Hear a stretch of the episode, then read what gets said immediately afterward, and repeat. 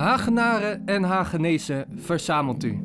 Pak een goudgele rakker of een vinaigretje bij en ga er maar eens even goed voor zitten of leggen. Wat jij wil, jouw feestje. Vandaag hebben we weer een schitterende gast. Van mij een echte Haagse toppa.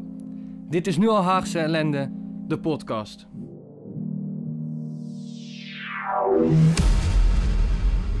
Ja, ja. daar zitten we dan. Dat die laatste. Ehm, welkom allemaal. Eh, leuk dat je luistert. Ehm, welkom bij de eerste, de officiële eerste eh, uitzending van eh, Haagse Ellende, de podcast. Ik ben Pascal, ik ben 29 jaar. Ik, normaal gesproken in normale tijden werk ik in zowel de horeca als de evenementensector als, en als DJ. Naast mij zit, zit Arantxa. Ja, ik ben Arantxa, 27 jaar. Onwijze druktemaker in Den Haag. Lid van de Haagse Stadspartij. Ik werk bij PIP. Eh, ik werk in een koffieshop in Scheveningen. En ehm, geef voorlichting over drugs en alcohol. En ik ben moeder van een fantastisch kleine Tasmanian Devil genaamd Janice. Kijk. Ja, en dan onze gast. Onze Haagse toppa. En dat is... eh, Mezelf voorstellen. Je mag zeker. Dit is Tom de Bruin, eh, dames en heren. Ja. ja, je mag jezelf even, even kort, want we gaan dadelijk natuurlijk eh, uitgebreid eh Oh, over jou hebben. Maar hoe zou je jezelf voorstellen? Ja. Ligt eraan. In Nederlands, Tom. En that's it. nee, ja, ik, ik doe eh, al sinds 2016, dus al vijf jaar met Speakeasy. Een rockband, ik ben frontman en zanger. En eh, ik doe nog van alles in de muziek in Den Haag. Mijn solo ding, maar dat komt toch allemaal, gaan we het zo allemaal ja, over hebben, denk ik. Gewoon, muziek, eh, dat is het. Nou ja, wij kennen elkaar eh, eigenlijk via ons, onze bijbaan. Althans, jij Ja. werkt er niet meer, maar we werken, we werken allebei bij Blijberg. Of we hebben samengewerkt. Nou ja, voor mij hadden wij altijd wel een beetje, zaten we op hetzelfde niveau van humor. En uiteraard hebben we allebei ADHD. En, eh, Allebei. oh, oh, nee, alle drie inderdaad. Be prepared. Be Ja, prepared inderdaad. Ja, ehm, en eh, verder vinden we het heel leuk om eh, Facebook eh, alles behalve serieus te nemen en alleen maar eh heel de dag memes te posten. Wat volgens mij ook wel door eh, ons publiek eh, ja, met beide armen wordt ontvangen Ja. altijd. En ehm, dus ja, ik denk, serieus, wie moet ik hebben als eerste? Ik denk, nou, ik vind jou wel interessant genoeg. Ik weet dat je ook wel slap kan lullen. Dus, eh, en vooral toen ik, jou, eh, toen ik jouw mailtje kreeg met wat meer info, met de titel, ik ben al lang uit de podcast. Toen dacht ik, ja, kijk, dit kan niet misgaan. En om meteen maar met een, eh, ja, met een eh, leuke vraag te beginnen. Hoe gaat het nou echt met je? Hoe gaat het echt? nou, nu, wel weer, nu wel weer goed, eigenlijk. We hebben vannacht een, hond op visite gehad, mijn vriendin en ik, dus dat is leuk. Dan ben ik altijd vrolijk. Niet zoveel geslapen, want hij had buikpijn. Dus toen blafte hij werd blaffend wakker steeds van de buikpijn. Nou, net als Pascal, toch? Die Ja. had ook een zware nacht, hoorde ik. Ja. Ja, misschien hadden jullie hetzelfde gegeten.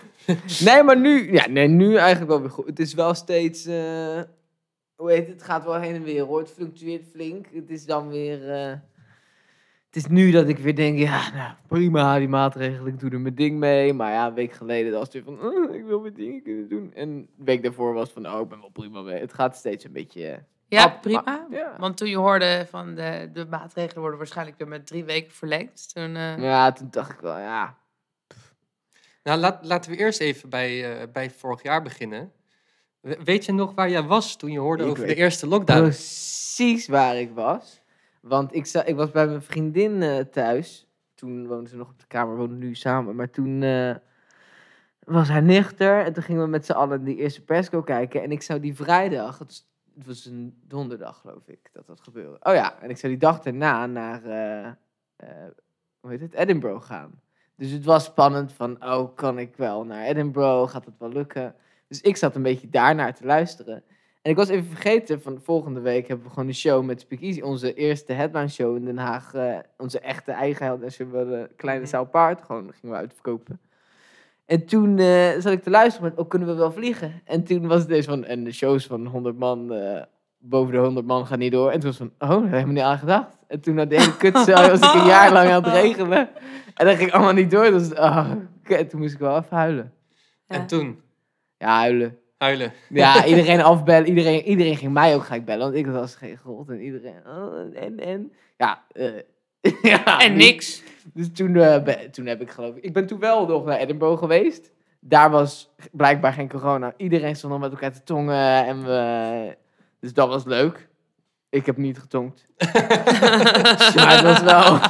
Ik zat daar ook elke Nee, want dag... jij, jij bent eh, niet vrijgezel, toch? Nee, nee, nee. nee, Al nee. lang niet meer. Al een tijdje ondertussen. Nou, Dat- s- wat toen, is lang? toen was dat kort. Toen hadden we twee dagen officieel, weet ik Oké, nog. oké, Dus. En dus, eh, oké, dus je hebt met- elkaar Je hebt meteen echt- ook heel goed leren kennen het Ja. afgelopen jaar. Echt een coronarelatie. Ja, we hadden 10 maart officieel. Toen twee- 12 maart waren die eerste maatregelen. En toen kwam ik dus terug van Edinburgh. En toen zei ik, eh, ik dacht, ik ga niet bij mijn ouders zitten. En mijn zus, die allemaal aan het thuiswerken zijn. Dan wil ik muziek maken, daar word ik niet gelukkig van. Toen woonde ik nog thuis. Toen dacht ik, nou, toen zei ik tegen S, ik eh, trek bij jou in. Oh. En dat zag ze ook wel zitten, of? Nou, eh, dat ging een maand, anderhalve maand. En toen zei ze, ga zelf maar ook wel wat zoeken. En toen ben ik eh, weer vertrokken. Maar dat ging, nou ja, we hebben nog steeds. We wonen nu samen, dus op Oké. zich. Je mag weer terugkomen. Ja, ja nieuw huis. Oké, oké. En ehm, waar ben je, ja, wat, wat zijn voor jou nou, als je zo terugkijkt naar, naar 2020, en het kan nog steeds natuurlijk aan de hand zijn, maar wat zijn voor jou nou echt struggles geweest waar, waar je tegenaan liep ehm, door het eh, zitten in eh, lockdown, niks mogen, niet mogen optreden, niet... Nou ja, mijn hele... Ja, op- op zich gaf het de relatie wel een goede kans. Want mijn hele leven was gewoon omgekeerd nu. Ik had niks meer. Normaal werk ik dus voor Sommieu ook heel veel in die tour. Ik doe, ga mee met hun tours en dan eh, ben ik zeg maar de backliner en ik rij een beetje die bus en ik doe een bakkie achteraf. En dan gewoon gezellig. En toen, en dan verder hadden we ook popronden daarvoor. Dus een onwijs druk jaar aan optreden. En ik Maar- ging net mijn nieuwe band opstarten. Allemaal horeca en evenementen. Ja, en toen Ja. werkte ik ook inderdaad nog. Nee, toen deed ik wel mijn studio. Dus ik was wel al gestopt in de horeca. Want ik had juist door Sommieu eh, daar genoeg eh, bijbaan aan. En toen ging ik net mijn nieuwe... Ik had een crowdfunding gestart en net mijn nieuwe solo-project begonnen. En dat zou ik gaan lanceren. En dat ging toen ook allemaal niet door. Dus ik had echt ik had geen kut meer toe. Maar ik moest nog wel de studio in. Dus ik had gewoon... Ik dacht, weet je wat, dan ga ik gewoon veel langer over die studiotijd doen. Ik had tegen Speakeasy gezegd van ja, ik eh, kap er mee. Even. Ja. ik, eh, Even. en toen zijn ze zelf dan- gaan repeteren. Wat was dan dat, ehm, dat ervoor zorgde dat je even niet meer door wilde gaan met Speak Easy? Nou, het was omdat ik was, denk ik, eh, nou niet overdreven, want negen maanden lang ge- geregeld aan die show. En, en een geluidsmes, lichtmes en we hadden iets van elf gastartiesten, geloof ik. Want eh, van Magic Moon deed Robert mee, eh, Camille en Quint van Sommieu deden mee. En de rest van die band zou ook helpen met, eh, hoe heet het, ook met de gitaartekken en zo. En we hadden nog twee blazers. En we- zouden echt uitpakken, twee achtergrondzangeressen. Ik had het allemaal zitten regelen en ook allemaal eh, aparte repetities met iedereen vooraf. En niemand Ja. kan natuurlijk ooit. En, en toen dat niet doorging, toen dacht ik, nou, dat hoeft even niet voor mij. Ik ga niet nog meer regelen dat het nu maar door kan. Ik was het echt helemaal zat. Je was even goed zat, oké. Ja. En ehm, hoe ging je daarmee om? Ja, naast, naast niet. Ja, ik eh, was gewoon huilen. En toen zei ik, nou, ik ben even niet. Succes. Maar ze begrepen het allemaal wel, die band. Ja, het was wel lullig, want we hadden net een nieuwe drummer. En de week daarvoor hadden we eh, de eerste show met die drummer gedaan. Dus hadden maar één show gespeeld. Die dacht, nou, we gaan ervoor. Maandag geoefend. dus die vond het ook wel kloot. Dus die wilde echt doorgaan. Maar ik was van, nou, ik kap er. Jij was gewoon op. Je had Ja. alles al gegeven en je dacht van. Ja. nou even mijn winterslaap in. En toen eerst naar oktober verplaatsen, toen naar november en nu naar oktober vol. Nou ja, dit jaar onderhand. Dus nu naar aanstaand oktober. Dus ik hoop Dat lijkt me ook pijnlijk, jongens. Ja. Dat je inderdaad het voor je uit hebt te schrijven. Ik bedoel, ik, heb, ik ken dat bij mijn studie. Ik ben ook deadlines voor je uit aan het schrijven. Maar dit is heel kut, want Ja. dan kun je er zelf niks aan doen. Ja, we hadden afgesproken met het paard. Een heel nauw contact van hoe gaan we het nou doen. eh. en op een gegeven moment zeiden ze, ja, je kan wel naar de grote zaal. Maar dan kunnen er alsnog minder mensen in. En dan moet je wel bijbetalen. En dan eh, moet je een paar mensen afzeggen. Ik zei, ja, dat is gewoon geen optie. Ik heb gewoon tegen ze gezegd, we gaan het pas doen als het weer echt kan, kan. Zoals we het voor ons hadden gezien. Dus Dan bedoel je ook een paar mensen afzeggen, dus qua artiesten. Nee, qua publiek. Oh. We hadden dan iets van, als een grote zaal en dan zitplekken. En hadden we echt nog 60 mensen moeten afbellen of zo. En ik zei, ja, dat is natuurlijk absoluut geen optie. Dus ik zei, nou, we gaan het gewoon doen als het weer echt kan. En dan gewoon volle zaal. En de speakeasy ga ik niet zitten zitten kijken. Dan, dat slaat gewoon nergens op. Dat is ook niet hoe ik Nou, ik, ik weet niet of jij, dat, eh, of jij dat filmpje hebt gezien, maar ze hebben toen wel een, eh, zag ik voorbij komen op Dumpert, geloof ik.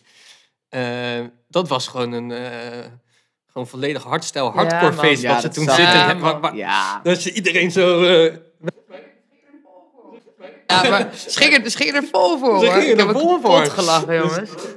maar ik, ja, eerlijk gezegd. Het, eh, het meest sneuien eraan was, denk ik, en dat hebben ze toen hier in het park bij Goldband wel beter gedaan. Dan had je nog met z'n tweeën een bank. Maar dat concert waar jij het over hebt, dan zat je in je eentje Ja. op een stoel. Ja. Ja, man, alsof je een soort van straf hebt. Oké, ga maar zitten. ja, maar goed, toen, eh, je had gezegd, ik stop met Speak Easy. Eh, Tijdelijk, hoor. tijdelijk, ja, tijdelijk. Ehm, maar hoe zorg ik, wat ga ik nu doen? Nou hoe zorg ik dat ik niet depressief eh, de hele dag in mijn bed ga liggen, bij wijze van spreken? Nou, dat ging ik gewoon lekker wel. Ja? Je- Ja. ja? er zijn er wel weken geweest hoor. Maar ik heb, nou ja, ik had Oh. een vriendin gelukkig. Dus die eh, sleep, sleepte me, sliep, sloop, slaapte, sleepte me er wel uit. Klinkt zo slap. Die slapt me er wel uit. Ze slept je wel in bed. Slept me wel uit. In ieder geval, dat, dus dat werd. Maar, en ik had me gelukkig dus mijn studiotijd eh voor mijn solo ding, dat ik, wat ik ging doen. Daar heb ik nu veel meer tijd voor gehad. Dus dat is wel beter geworden. Achteraf was dat wel eh, nog een soort van fortuinlijk. Oké, want maar je hebt wel echt gewoon dagen in bed gelegen dat je dacht van ja, wat...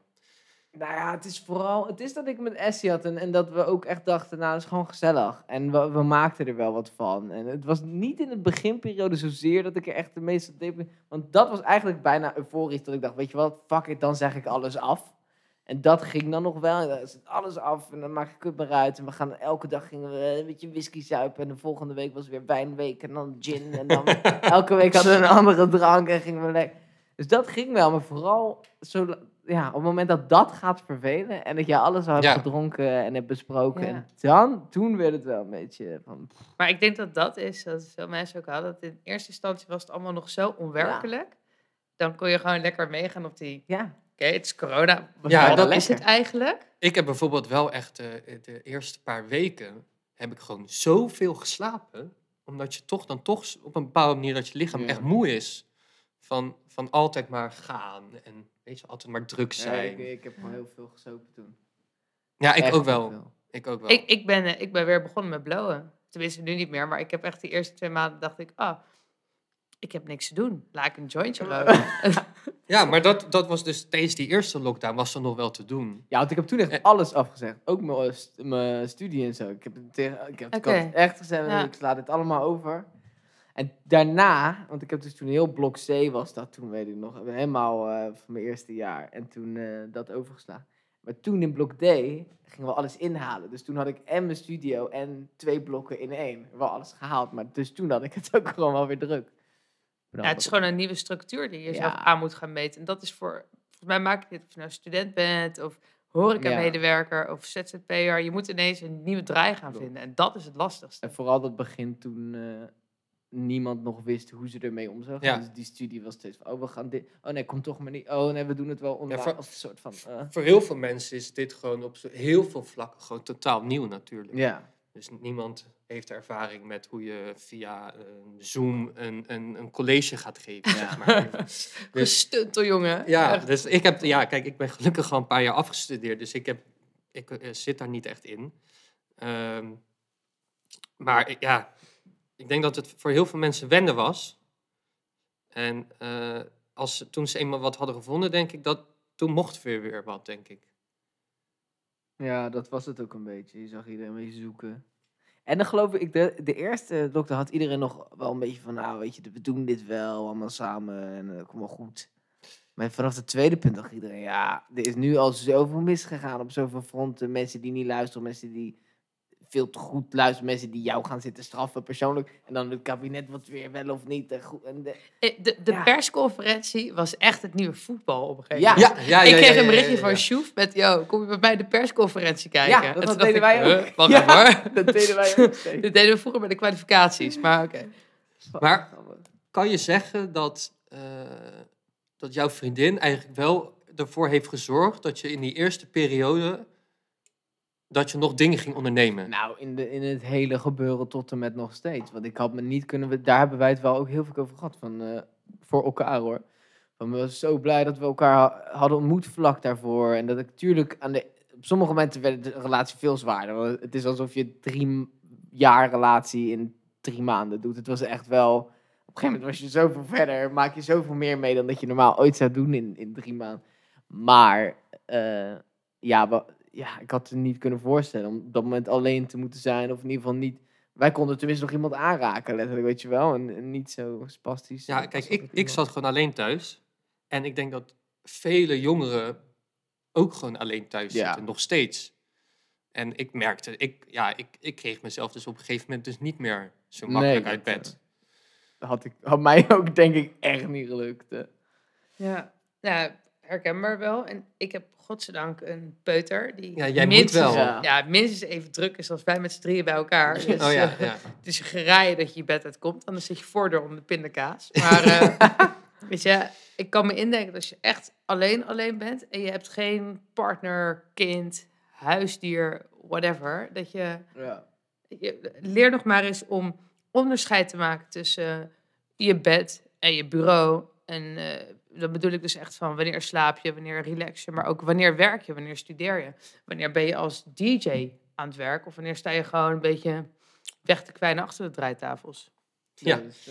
Ja, nee, ja, v- voor, voor mij is alles behalve makkelijk geweest. Ik heb denk ik, ehm, ik ben denk ik wel echt uiteindelijk, je kan me wel nu een diagnose echt wel depressief geven, uiteindelijk. Ja, ik studeer psychologie, maar ik zit hier niet voor de diagnose. Nee, nee, nee, nee, nee, nee. Nee, ja, die diagnose heb ik zelf ondertussen wel gesteld. eh, eh, maar eh, kijk, ik had nog wel huisgenoten. oh, dat dat is de- ook een voordeel hoor. Die eerste periode, dat kwam ook wel omdat dat dan... eh, ja, er was een twintigjarige collega van mij, die was plotseling overleden. En, en binnen een week tijd was mijn opa overleden aan, aan corona. Oh, corona ook echt. Eh, ja, dat heeft uiteindelijk wel Shit. ehm, hem de das omgedaan. Zeg je dat Ja. zo? Ja. Ja. ja. Hij, zat, hij was een keer gevallen op zijn knie en hij zat in een, in een revalidatiecentrum. En het ging eigenlijk helemaal goed. En hij was, ook, hij was misschien al wel 91, maar hij was nog totaal bij de les, zeg maar. Hij had nog geen last van dementie of weet ik veel. Hij Oh, woonde nog gewoon zelfstandig. Ja. Dus hij kwam in, die, in, die, in, in dat revalidatiecentrum terecht. En daar heeft hij uiteindelijk corona opgelopen. Shit. En eh, ja, dan, dan moet je dus, dus je opa en ja, met deze, deze heb ik wel mijn hele leven gekend en daar had ik ook een super goede band mee. Ja, dan moet je diegene die, die, dan moet je dan afscheid gaan nemen terwijl hij voor het raam wordt geschoven op twee hoog. En jij staat met het, nee, je, je familie sta je buiten. Oh, ja, ja, ja, ja. Ja, wij mochten niet meer. Maar ook geen online ge- iets. Nou ja, dan waren we dan aan het bellen en dan, en hadden we hem aan de eh, telefoon. Jezus. Maar we Dus mochten- iemand die je hele leven hebt gekend, hè? Dat lijkt me achter. En dan wel met z'n allen in de kerk. Kijk, Dat vind ik dus achter. nee, maar goed, dus kijk, ik, ik, ik had dat begin maart. En jij had dan inderdaad het, het cancelen van, eh, van al je optredens en weet ik veel. Maar ja, ik kwam gewoon eerst mijn bed niet uit. Gewoon omdat Nee, je maar- alleen nee, maar maar als- met jezelf zit. En dan denk je op een gegeven moment heb je ook geen zin meer in je huisgenoot en zo. En als je dan niks hoeft. En ik denk dat echt wel meer mensen om ons heen eh, hier last van hebben gehad. Want ik weet niet, heb jij mensen in je omgeving gehad? Of heb jij corona Die hebben gehad? eh, nauw betrokken meegemaakt, zeg maar? Ja, wel. Ik denk, ik denk bijna zeker wel dat mijn vriendin en ik het wel hebben gehad. Er zijn er al een paar momenten dat we zo duidelijk die symptomen hadden. En ook heel lang moe geweest zijn. nadat ik denk dat we dat... Maar we zijn allemaal niet, eh, ja, niet getest toen. Dus, eh, want toen kon Mm. dat allemaal nog niet. Mhm. eh. Maar eh, mijn tante had het vorige week.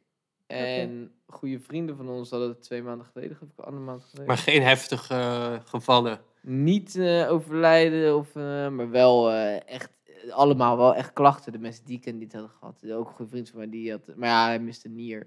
Maar hij had wel echt eh, goed last. Dus flinke koorts, lang in bed en nog steeds heel moe. Ik kon op een gegeven moment, hij was leraar, ik kon lang niet lesgeven. En, eh, Ja. dus het was, ja, het was wel een ding. Maar En- ik heb meer last gehad van de ontkenners dan de mensen die het hadden, hoor. Ja, precies. Ja, nee, ja. Dan verlies je Ja, er ja. meer aan. Shit. eh, ja. Ja. Het is fijn dat we tegenwoordig een platform hebben zoals Facebook, waarbij iedereen de expert is. Dat is eh, Ja. Nou, het is vooral fijn dat we een platform hebben waarop je kunt onderscheiden bij welke mensen je zeg maar, wel in de woonkamer wilt zitten, omdat Ja. ze de maatregelen serieus nemen. bij welke ja, ja, ja. eens, eens. Hey, en eh, toen mochten we weer wat. En eh, toen mochten we toch weer niks. Ja, ik Ging vergeet ging- dat steeds. Ja? Dat er iets... mo- Ik had het daar ook laatst over met mijn vriendin. Toen mochten we... We zijn helemaal vergeten dat we gewoon twee maanden lang gewoon wel alsnog op volle grote markt en zo zaten. Was het even helemaal vergeten. Ja, maar dat is inderdaad ook bizar geweest. Want Ja. Ik heb dat eh, eigenlijk ook wel heel snel weer achter me gelaten. Maar de zomer was eigenlijk Gewoon normaal. wel oké. En dat komt ook, wat ik aan het begin zei, ik werk in een koffieshop in Scheveningen. En Scheveningen was gewoon stampensdruk. Ja. Het was niet normaal. We hebben dit jaar zo'n zieke omzet gedraaid. Is ongekend. En die koffieshop zit er al 35 jaar.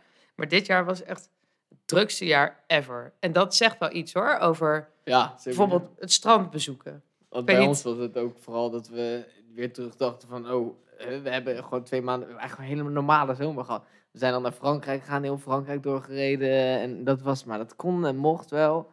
En vooral gewoon toch dat even naar een cafeetje gaan... als je thuis de hele dag aan het studeren je gaat, want het helpt zo erg als je even in een cafeetje je school doet... en dan kom je weer thuis van iets.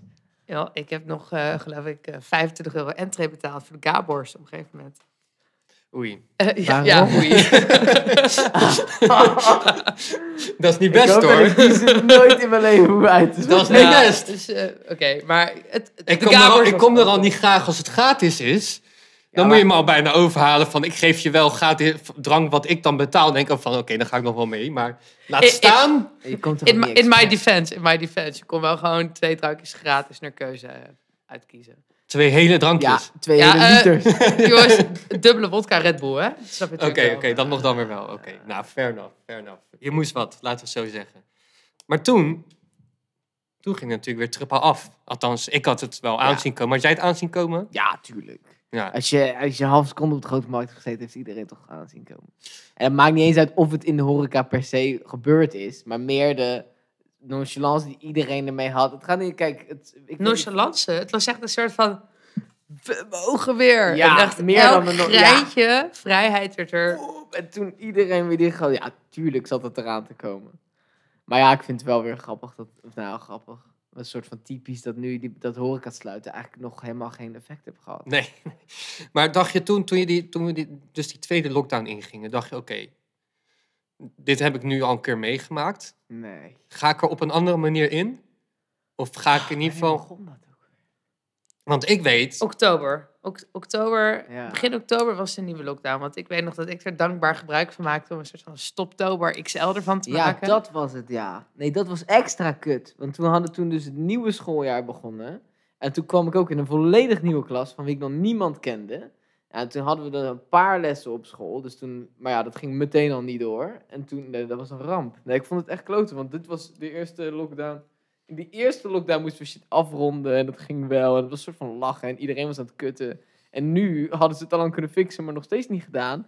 En Ja. nieuwe mensen, nieuw gebeuren. En en nu was het begin van iets meer dan het afronden van. En dat was echt, ik had er echt geen zin in. Al het leuks was achter de rug en ik- die vond ik echt wel kutter. Maar dacht je wel van, eh, ik ga bijvoorbeeld eh, niet weer zoveel drinken als in de eerste lockdown? Of, eh, Ja, Esmee dacht dat de hele tijd. Dus daardoor, dat, is heel, dat vond ik dubbel irritant. Ik wilde gewoon zuipen bij Es was steeds... "Nou, dan ik stop." En dan, ja, je gaat er niet in je eentje... eh, terwijl iemand eh, gewoon die je ook leuk vindt. dus nou, toen ik ook maar niet drinken, nou, dat was een ramp. Maar die tweede lockdown werd wel normaler of zo. Kijk, Die eerste lockdown, wat daar het kutst aan was voor mij, was echt een beetje... Ik had best wel een beetje een soort van paniek. Van, hoe lang gaat dit duren? En hoe lang kan ik dit aan? Wat gaat er allemaal gebeuren? Weet je, wat is dit voor... En toen wisten we het allemaal niet. En, en die tweede lockdown dacht ik wel van, god, weer een lockdown. Het is meer dat je dacht, ah, weer een lockdown, dat je dacht van, oh, wat is dat virus? Het is meer van, oh, die lockdown, dat is irritant. Ja, dat er nu een soort van jaarlijks terugkerend Ja. segment wordt. Ah, dan komt die lockdown Komt weer. Oké, hebben we genoeg drank in huis? Ja. maar ik heb nu wel gezegd, want dit is een soort van semi-derde lockdown bijna voelt het. eh, Ja, het is nog steeds de tweede hoor. ja, Tom. het is die tweede. maar het voelde, ja, dat klopt. ook. Nee, maar op een gegeven moment gingen die winkels ook echt weer dicht. ja, eindelijk. Dat een derde. Nou, eh, weer, inderdaad. Ja, eindelijk, eindelijk, gingen de winkels ja. dicht. Dat ik met pijn in mijn hart van Scheveningen naar huis toe fietste. Na Black Friday. En dat echt het, het hele Ja, die was centrum... pijnlijk. Die ja, was maar pijnlijk. het hele centrum zag eruit als hoe het er vroeger uitzag na Koninginnenacht. Dat Dat ik dacht, wat de fuck is hier gebeurd? En weet je, alle prullenbakken gewoon buiten hun voegen volgeladen. Dat was Black Friday en de horeca was dicht. Ja, dat is echt erg. Maar vanaf dat, dat punt, dat die winkel zegt, nee, toen hebben we ook wel tegen Esmee gezegd van, ja, doe wat je wil, maar ik ga wel gewoon zuipen. ik, drink wel gewoon een whiskietje en dingen, want eh, ik, dat vind ik veel relaxter. En dat gaat ook nu goed. Maar nu wonen we ook samen, dat is ook makkelijker, uiteindelijk. Ja, dan, kan ze jou naar bed tillen als je het wel opgezogen. Ja, dat ook. En ik vind het ook wel grappig. Ik heb nooit kwijt, ik ben altijd heel grappig. Ik ben echt heel grappig. Moet je maar aan ervaren. Dat is niet mijn eigen... Ik weet leuke filmpjes. Oké.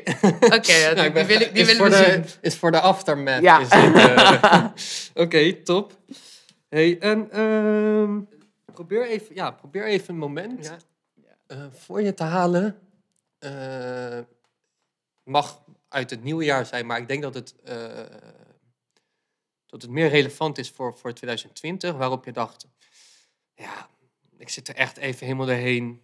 Het eh, kan mij verrotten. En eh, hoe, op, op dat moment, op zo'n moment, hoe zorg je er dan toch voor dat je positief blijft? Of hoe hou jij je, hoe hou jij je haag, zeg maar? Mm. Ja, dat is wel een lastige. Ik heb, eh, ik heb daar in het normale leven al moeite mee. Dus op zich was het nu ja, een soort van versterkende omstandigheden, maar ook weer niet. Weet je, het gaat al veel over, maar het is tegelijkertijd en een klote pandemie, maar tegelijkertijd wel voor het eerst een soort steady relatie die werkt. Dus dat, ja, heft elkaar wel een beetje op. Dat is, ja, hoe, dus eigenlijk is het meer hoe doe ik het normaal. En ja, Dat mag ook, mag heel, ook. heel slecht. Al, eigenlijk altijd heel slecht. En nu voor het eerst. Nou, ik weet nog wel, en dan moet ik dus wel zeggen dat, dat mijn vriendin zei en zo van, nou, ik wil wel dat je voor bepaalde dingen hulp gaat zoeken. En wel verleden met dat niet altijd alles eh, in mijn hoofd even goed gaat. Maar Nou, toen, herkenbaar. Ja, dat- maar- en, en, en daarom, dit is ook een van de redenen waar- waarom wij hier zitten. ja, precies. Eh, Ik heb, maar het ding is wel, en dit gaat geen goed advies zijn hoor. En de mensen moeten dit niet gaan aannemen, maar het is wel wat ik meen. Ik had heel lang dat ik het voordat ik met S had, dat ik, dat ik altijd maar dan gewoon ging suipen en dan ging doorgaan. En ja, Eigenlijk gewoon jezelf verdoven. Maar alleen maar, ja, precies. Zodat de dagen me soort van in elkaar overvloeiden. En dan was Ja. allemaal wel prima. En als ik dan wel ineens beter voelde, ik, oh, oh, nou, het is al. Ja. En maar als ik me kut voelde of alleen, en dan nou ja, dat is Het, op het wordt één grote waas Ja. alle dagen op elkaar En dat gaat gewoon. Dat is niet Ja. de oplossing. Maar en toen, nu hadden we dus nu met S, die, die besloten we wel van, nou, laten we er wel eens misschien, of ik vooral, er gewoon echt een keer iets aan gaan doen. En, eh, maar dan moet ik zeggen, dan, dan ga je je houden aan al die dingen, regelmatig rusten, geen alcohol en geen, eh, en dan heb ik oprecht gedaan. En dan ben maar ik voelde me wel geen kut beter. Dus ik zei, en, en sporten en, en, en weet je, echt alles wat je moet doen. Ik zei, ja, ik voel me echt precies even kut. En zonder biertje. En, en dat is, dat, dat, dat, dus ja. En toen, nou, ik moet zeggen, dat was wel het moment dat ik dacht, eh, dan kan ik het echt niet meer alleen. Nou, Als, het, als dit niet meer helpt, dan moet ik wel echt even, echt ergens op zoek. Nou, dus dat ook wel gedaan. En nu wel aan het bespreken met, eh, met professionele hulp, whatever. Maar ja, ja, Dus eigenlijk, nee, dus eigenlijk denk ik, dan kan ik hem samenvatten naar. ehm, als je het zelf gewoon niet meer ziet zitten, dan is het niet erg om, om, om professionele hulp te zoeken. dat sowieso niet. Kijk, dat schroom, schroom dat sowieso niet. Maar ik heb nu wel... Want volgens mij Ik ligt moet... er nog steeds wel een vrij grote taboe op Ja, tegen dat vind ik niet ervoor, nodig. uit, ervoor uitkomen dat je eh, eh, professionele Ja, hulp want ik moet wel zeggen dat sinds eigenlijk, dat is het enige, gek genoeg. Ik, eh, het hele traject of gebeuren is in principe nog niet gestart. Dus er is nog niks begonnen of gebeurd. Of Mhm. En ik heb ook al tegen hen, dus aangegeven psychiater en mensen, psychologen, van, van ja, luister, als ik zei of niet zei, mag ik kut uit, ik voel me precies even kut. Het is Maar echt, Mhm. en ook uh, regel maar bla bla. Ik zeg, ik ken dat praatje, dus ik kan wel- Ja. die kan je op zich Ja. skippen. Weet je wel, want het weet, ik heb het echt geprobeerd. In ieder geval gaan we het ook nog een keer doen. Maar het stomme is het feit dat ik me dat ik soort van begonnen ben aan het recht. Of in ieder geval dat eh, ik voor het eerst zelf echt vrijwillig helemaal heb opgezocht. En, eh, en dat heeft me nu al dat ik denk van nou, voor eigenlijk al daardoor al beter. Van, ik voel me Ja, bijna trots dat je dat. je, je, je wil met jezelf aan Ja. de slag. En dat is heel iets anders dan dat je gaat zeggen van... Oké, ik doe iets fout, dus ik moet iets veranderen. Precies. zeg maar niet dat je jezelf gaat veroordelen, maar... Volgens mij, dus naast dat we alle, alle, alle drie ADHD hebben... hebben we dus ook ons alle drie opgegeven voor hulpverlening. Of niet? Ja, ja, ja, ik, ja, ja, ja, ja, ja. Fucking vet. Ja. ik, ik had... eh, voor mij... eh, ik had al een verwijzing. Oké. Eh, januari 2020. En, en toen moest alles nog beginnen. Ja. Zeg maar de hele COVID en alles. Oh, dus shit. Ik Ja, had die verwijzing niet, eh, al. En, eh, maar toen, dan denk je toch, je denkt toch nog steeds, ja, maar ik kan het zelf wel. Nee, Snap je? Ja, ja maar dat... En, en uiteindelijk heb ik me dus, eh, ging me steeds slechter en slechter voelen. En dan toch nog denken van, ja, maar kom er wel zelf goed. uit. Kom Ja. er zelf uit, kom er Ja. zelf uit. En eigenlijk pas in, eh, eh, eh, pas begin de, de- december, dus bijna een jaar later, heb ik me daadwerkelijk opgegeven. Ja. En ik dacht er wel echt van, godver, moest, moest het nou zo lang duren? Uh, bij mij was het juist voor wat je zegt over die was, wachtlijsten. Bij mij was het zo'n onwijs. Het probleem was bij mij, het is al heel lang, echt, echt heel, heel lang. Een terugkerend iets eigenlijk. Bijna al zolang ik een soort van echte bewustzijn heb. Capabel ben. Ja, weet ja maar dat, dat, is nog niet. Nee, precies. Ik wil net zeggen. Maar in ieder geval, het kwam het allemaal terugkerend iets. En het stomme was, het moest. Het is één keer echt zo ver gekomen dat het zo slecht ging. Dat er toen uiteindelijk een soort van crisishulp is gekomen. En meteen. En dat.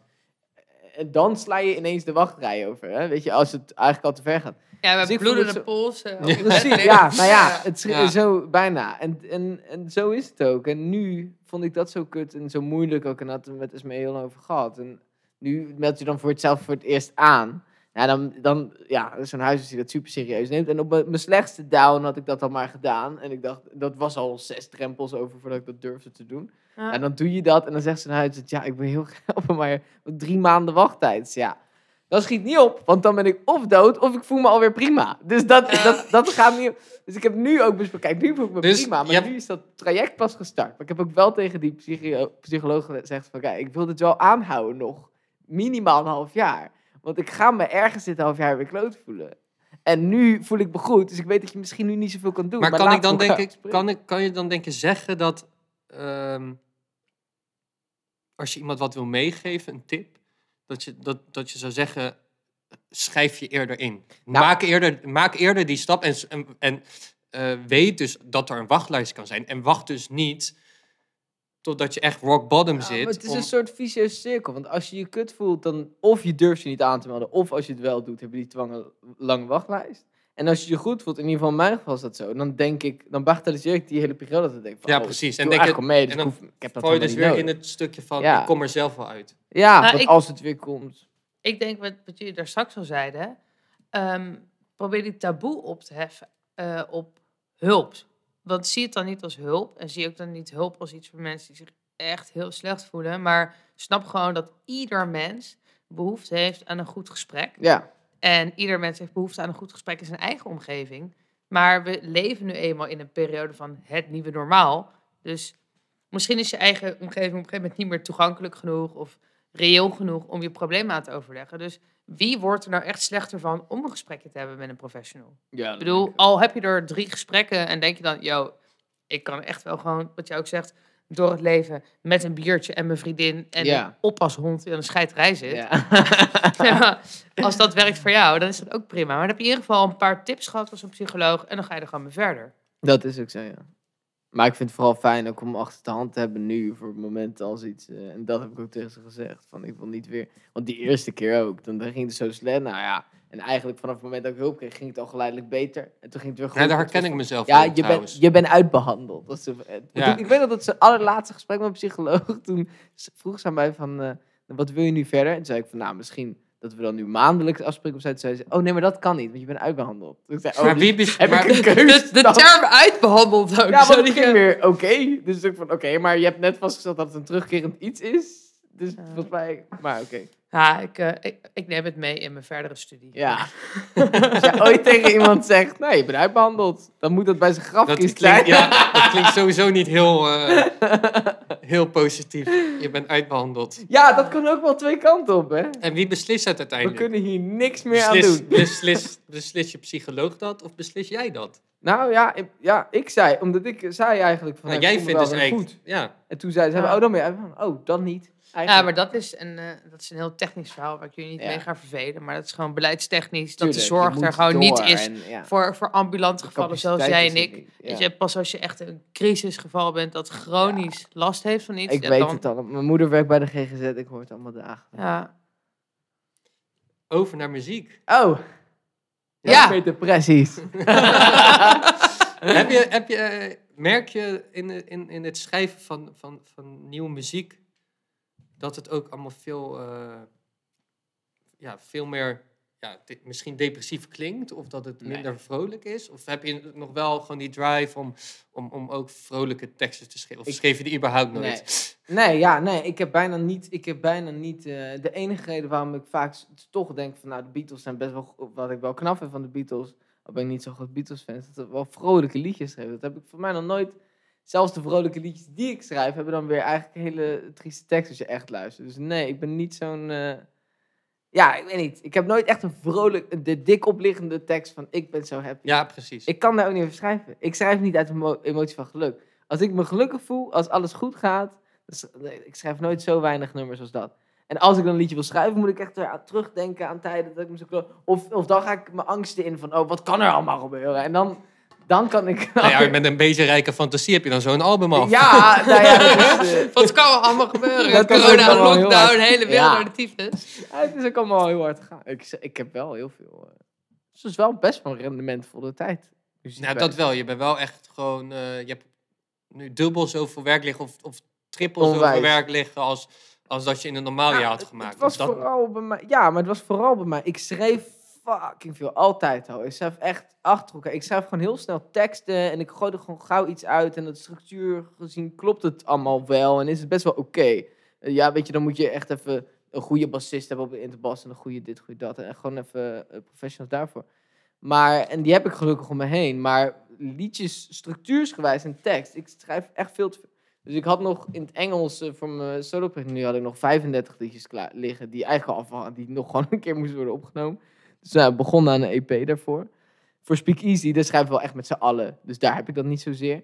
En ik had nog heel veel Nederlandse teksten liggen, maar echt heel veel. En die, eh, ja, en die... eh, Ik heb echt een zwak voor Nederlandstalige muziek. Nou ja, heel lang nu- voor me uitgeschoven, want ik wil daar echt niks mee te maken hebben. Nee, we hebben nu die bak toevallig open. met die band met wie ik mijn solo-project had, die bassist en die drummer, Karel eh, van Eyck en Sander van Elfra, die eh wilde, ja, we waren een beetje een soort van van, we zaten steeds te fantaseren over Tommy Brown, leuk, we waren heel trots op de EP die we hadden opgenomen met z'n allen en wat het nu was gewoon. We zaten steeds te fantaseren van, oh, maar als we kunnen gaan optreden, gaan we dit doen en als we dat. En één sessie in het Paardcafé gehad met mensen die zaten, eh, ook twee keer vol. Was hartstikke leuk, maar wel fucking kut. Ik vond het echt niet leuk om te doen mensen die zitten en dat ik niet over de bar kon lopen en in hun gezicht kon spugen, want daar doe je het toch. en ja, ja, dan hoeft het van mij allemaal niet. En toen ehm, waren we dus steeds van, ja, we willen iets doen wat we nu kunnen uitbrengen. En de Tommy Brown gebeuren, zat gewoon zoveel geld in en wat, door die crowdfunding. Het was gewoon kwalitatief te hoog om nu uit te gaan brengen.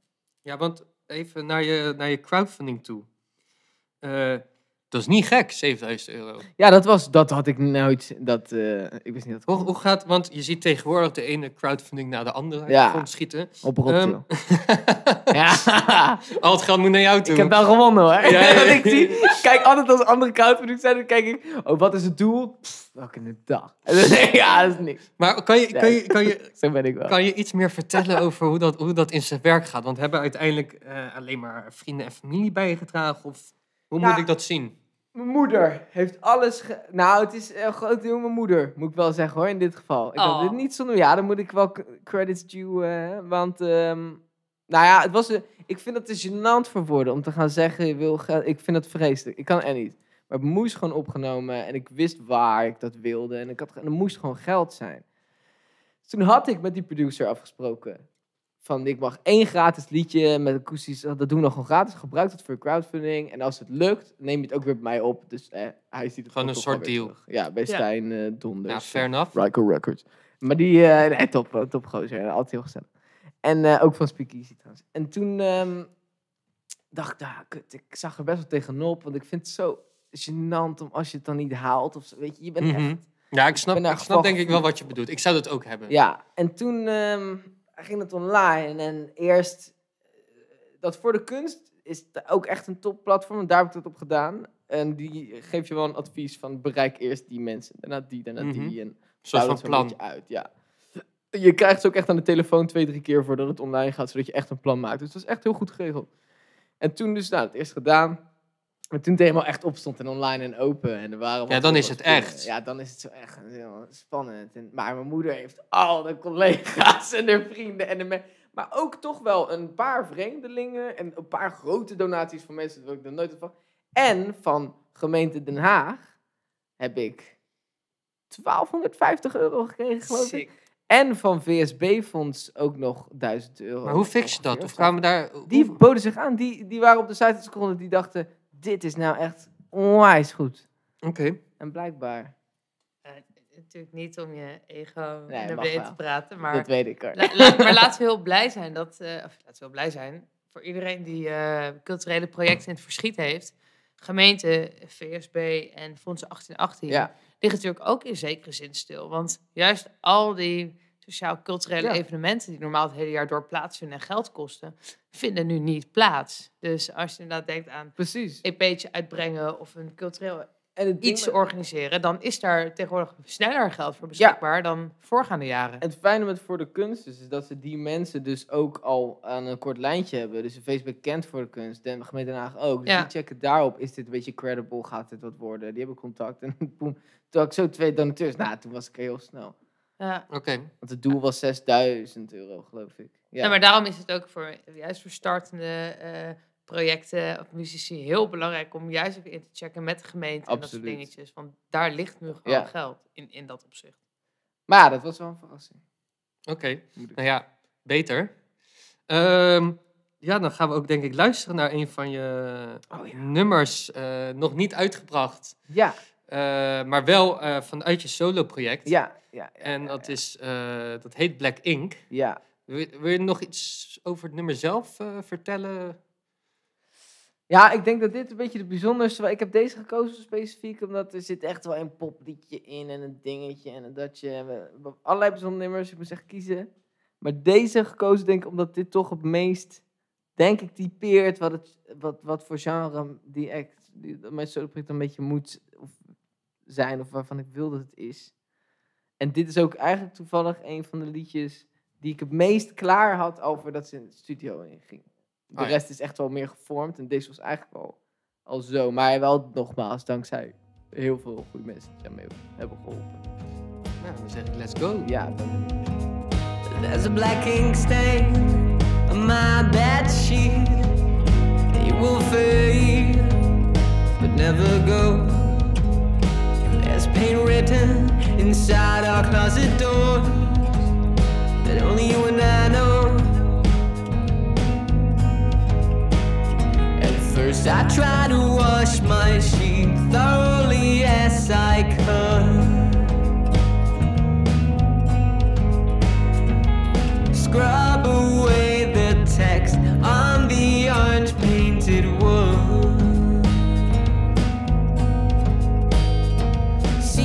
wouldn't go, I had to claim it to be mine. Now I will say I love it so, hoping my mind will redefine. Slowly it may fade, but as vague as it remains.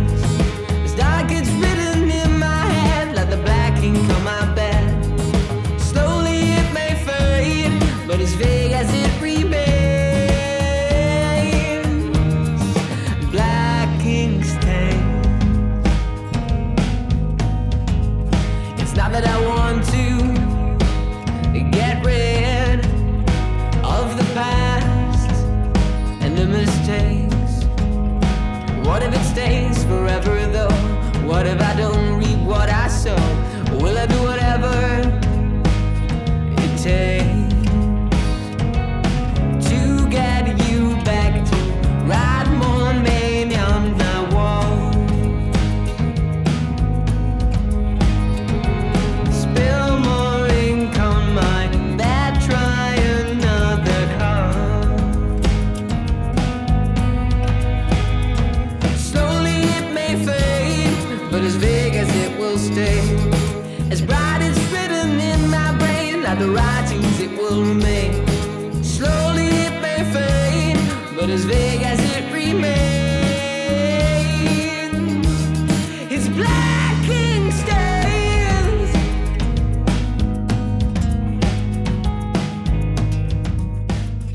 Alright. Ja, het is geen gek nummertje als je het mij vraagt hoor. Ik ben niet gek. Dat is niet gek, nee.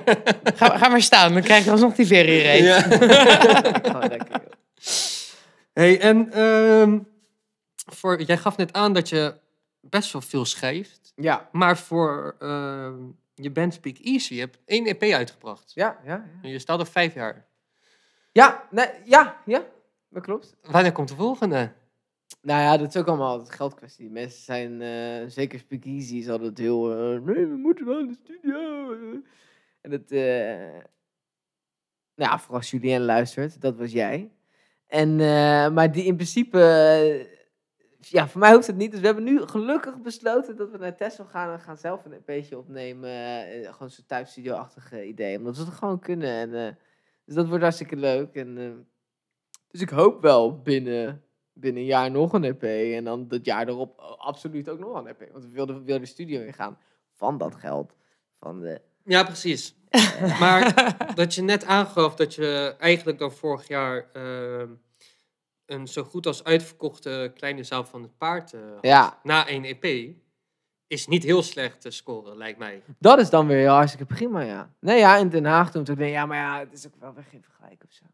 Ik bedoel, in Den Haag ehm, heb je op een gegeven moment gewoon wel of niet een beetje succes. Of nou, succes mag ik het ook niet eens noemen. Gewoon, het lukt wel. Naamsbekendheid. Ja, en het eh, gewoon genoeg. Weet je, niet eh, doen alsof we een hele eh, iets zijn, maar in principe Maar hoeveel tickets, hoeveel tickets of hoeveel personen is de kleine zaal van het paard? 300 mensen. 300. 350, zoiets? Ja, 350 zou het kunnen. En was dat dan ook een soort van doel?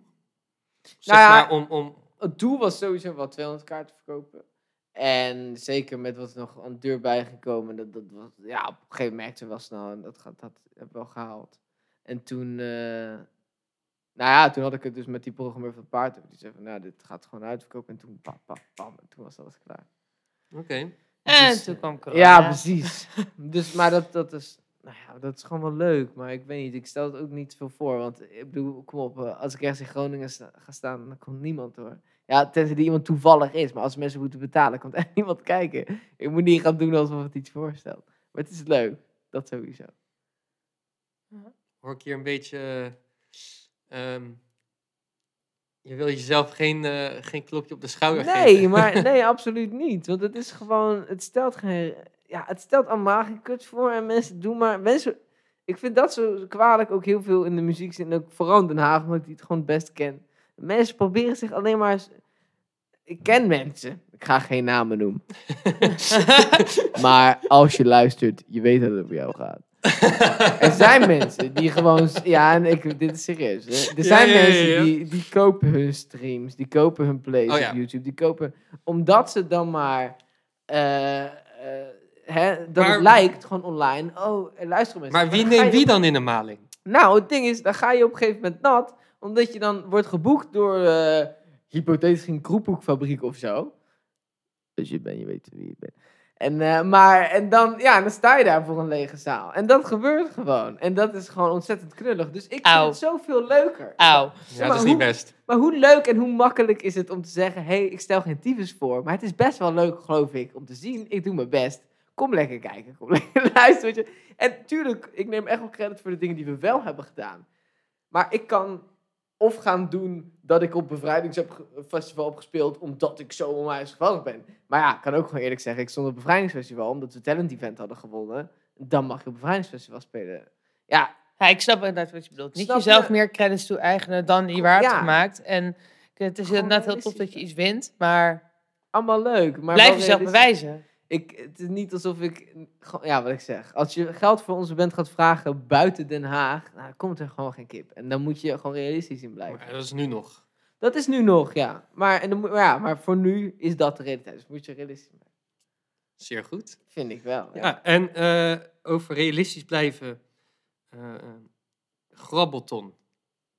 Ja, dat, dat is dus wat ik net vertelde. We hadden dus het hele Tommy Brown gebeuren met onze, met Karel en met, met Sander. Dat zijn de bassist en de drummer. Bij Tommy Brown. En we hadden dus die show gedaan in het Parkcafé met Tommy Brown. Nou, leuk, leuk, leuk. Maar gewoon, we zaten maar van, oh, wat als we het kunnen gaan doen, dan gaan we zoiets opbouwen. En we hadden een heel idee. Maar op een gegeven moment werden we daar alleen maar verdrietiger van dan dat soort van dat toekomstbeeld, omdat we niet meer wisten wanneer dat zou gaan komen. Dus toen had ik besloten, toen zei ik tegen Karel op een gegeven moment van, waarom kunnen we nou niet iets doen nu, iets gaan maken, wat we ook gewoon nu uit kunnen brengen. Dus kijk, wat ik al zei, Tommy Brown, zit heel veel geld in. Dat gaan we niet nu zomaar uitspuwen, zonder dat iemand het kent, zonder dat ik erbij op kan treden, want dat is toch mijn sterkste kant. En ja, dan gaat het een beetje teniet en dat zou ik zo zonde vinden. Maar ik zei, ik heb nog fucking veel Nederlandse teksten liggen. Dat is toch iets laagdrempeliger. eh, en dat, dat, speelt mensen, eh, spreekt mensen misschien ook sneller aan. Ik laten we al mijn Nederlandse muziek gewoon op gaan nemen. We maken gewoon een beetje gekheid van. En dan... Dat ja, zien we wel. ja, en dan, en dan gaan we dat gewoon meteen uit. Mijn vriendin maakt videoclips. Laten we dan, en nou, Sander was er meteen voor in. En nu elke maandag, heel gestructureerd. Dit doen we nu, geloof ik, nog maar, maar eh, acht of negen weken. En er zijn nu gewoon nog zeven liedjes af, af. En we hebben allemaal zelf opgenomen. We, laten, we hebben nu weer iemand gevonden die het kan mixen. We gaan nog een paar ook gastartiesten mee laten doen. Er komen allemaal clips. Nou, ik denk dat in februari, maart, dat we dan gewoon elke twee weken een videoclip en een liedje uit gaan brengen. Drie maanden lang.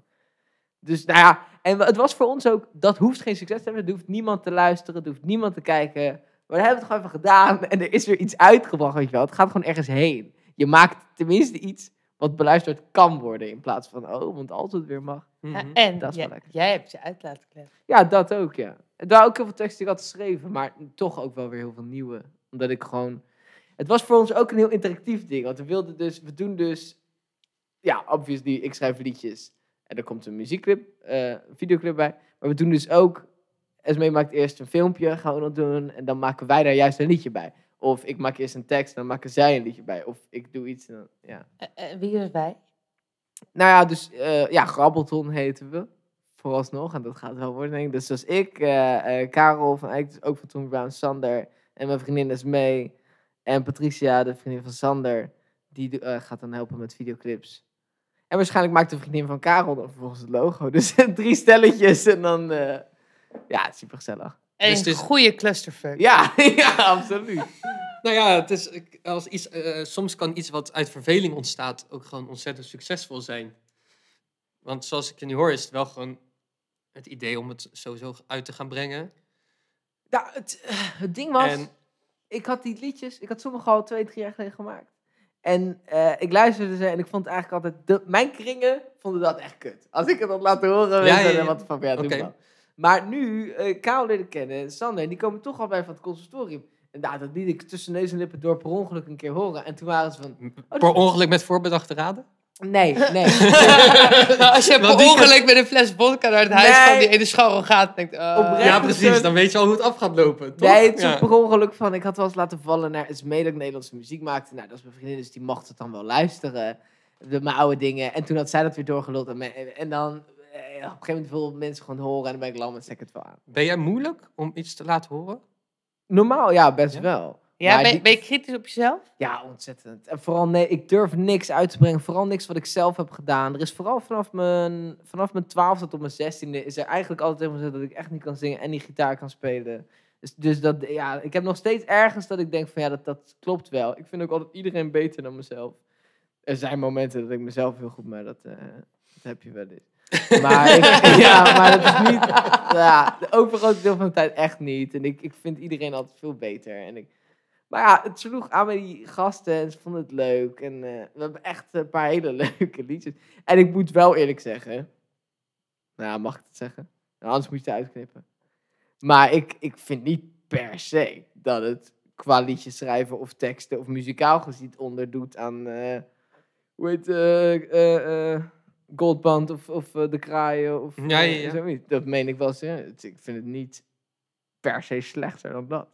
Dan gaan we knippen. Ik vind dat ook namelijk heel leuk, maar ik vind dit ook gewoon leuk. Nou, dat is toch een prima uitgangspunt. Zolang het leuk blijft. Ja, dus ik denk zolang dit een goede, eh, goed wordt geproduceerd, dat is de key, dan denk ik dat het wel... eh, Maar textueel of muzikaal doen we echt niet onder, dat weet ik zeker. Hey, en hoe denk jij dat, ehm, dat als we straks weer mogen, hoe het eruit gaat zien? Heb je daar wel eens over nagedacht? Ik denk daar dagelijks wel weer aan nu. Ja, Ja, ik denk dat ik eh, het te druk heb om te poepen, denk ik wel echt. Ik denk dan, want Sommieu gaat dan weer toeren, eh Speakeasy gaat weer gevraagd worden voor dingen. Ik denk, want ik denk dat vooral ik het, mijn soort van grote band het heel druk gaan krijgen. Want festivals zijn failliet, die kunnen echt grote bands niet meer betalen. Dus het worden allemaal kleine de kutfestivals. underdogs. Ja, en allemaal kleinere, goedkopere bands die het ofwel gratis of voor weinig kunnen doen. Nou ja, eh, ja. Dus het is gewoon zo dat ik daar nog steeds absoluut wel onder val. Dat het soms echt niet te duur is bij ons. Dus ik denk dat wij het heel erg druk gaan krijgen. En misschien wel drukker dan de grote omdat wij... Mhm. Ja, ik denk dat er veel kleine festivals worden. Dus ik denk dat het heel veel eh gereisd gaat zijn. En ja, de Nederlandse act was nooit het plan om mee op te gaan treden. Maar we doen het nu al zo lang, eh, of een paar weken. Dus is wel lachen om ook live te gaan doen een keer. Het wordt steeds serieuzer, dat wel. Ja, het was echt als een grapje begonnen. En ook dat mijn vriendin dan wat zou zingen. Of die daar. Gewoon dat iedereen zijn ei een beetje kwijt kon. En dat is nog steeds zo. Dat is nog steeds echt wat uitgangspunt. Maar we merken ook wel van, nou, het is toch eigenlijk niet, niet misselijk. Vind ik zo. Daar mag iedereen wat van vinden. Maar... Voor mij als eh, niet-muzikant en niet-DJ inderdaad wel een heel tof inzicht wat je nu meegeeft. Want ik heb daar nog helemaal niet bij stilgestaan. Maar inderdaad, grote, grote boekers, grote festivals moeten ook gaan bijschaven. Ja. Maar in- denk je in niet, budget. denk je niet dat de, dat de, dat de fees van grote bands omlaag gaan? Nou ja, Heel ik denk dat dat... Kijk, we hebben natuurlijk ook met internationale bands te maken en zo. En er zit ook altijd een basisbudget aan. Laat je een band invliegen en wat gaat je dat nee, dat snap ik. Maar denk, Maar we, we hebben denk ik in Nederland nu al zoveel geleerd van bijvoorbeeld online streams Ja. of kleine festivals. Ook wat jij zei over, we kunnen in een grote zaal gaan staan met een paar banken en dan eh 60 man.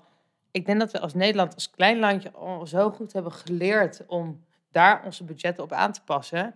Dat we in Nederland misschien wel gaan Ja. opbouwen met kleine festivals, kleine budgetten en, en kleinere namen. En ik denk dat we, want je zegt wel gaan die budget niet maar ik weet gewoon wel ook wel uit ervaring dat er gewoon eh bands zijn die hun geluidsmensen, lichtmensen moeten betalen die niet per se zonder werk zitten, want die kunnen Wat jij al zei, jij wilde toen voor, voor Speak Easy met elf man op het podium Ja. staan. Nou, dat, gaat dat nog kunnen in de Ja, toekomst? of moet je inderdaad ook als Speak Easy, maar ook als grote naam, als direct of zo, gaan terugschalen naar puur en alleen bandleden. Ja, En van daaruit gaan werken. Dus alles wordt kleiner, alles wordt...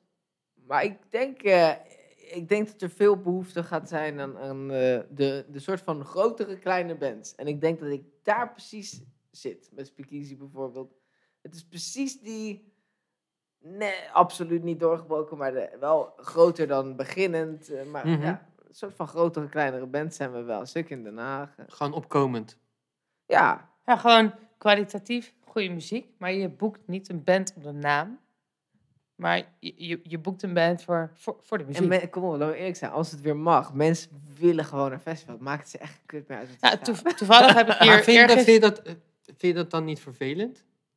Dus zoals je denkt, ja, deze mensen staan Met hier wel. Speakeasy niet. Want met Speakeasy, ja, ik heb het nooit gezien. Maar als je met Speakeasy bent, of mensen die Speakeasy kennen... eh, ik heb al eens eerder gezegd, en dat moet ik niet te veel over mijn eigen zeggen. En dat gaan we abso- absoluut niet meer doen. Maar de eerste nummers die we hebben geschreven, ja, dat is gewoon niet geweldig. Het was, het was gewoon, we maken gewoon rock en roll. We maken gewoon een dikke show van.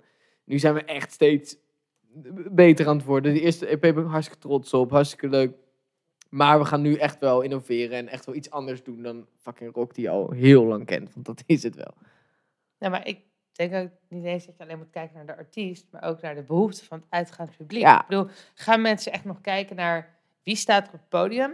Of hebben we allemaal gewoon echt de behoefte aan, inderdaad, Dat denk ik. eh, in plaats van dronken thuis in bed liggen met onze partner, eh, dronken in het ik ook. En dat mensen En- gewoon behoefte hebben aan überhaupt die setting. En ik denk Ja, dat maar precies dat. daar dus perfect aan kan haken. Want ons ding is gewoon optreden. Wij moeten het niet hebben van onze streams op Spotify of hoeveel mensen onze YouTube plays kijken. Wij moesten het echt altijd hebben van optreden en vooral festivals. En het ging onwijs goed. eh. we zijn ja, echt gewoon een festivalband, dus zo omschrijven we onszelf ook altijd. Maar ik denk dat wij daar echt wel kansen in hebben liggen. Maar met Tommy Maar- Brown bijvoorbeeld wil ik echt wel dat er geluisterd wordt. Dat is wel iets. Ja, precies. Ja, dat is Maar in die end, in die end wil je ook wel, streef je er wel ook naar. ehm, dat de bezoeker die naar jou heeft geluisterd en jou vet vond, dat ze ook wel de naam onthouden.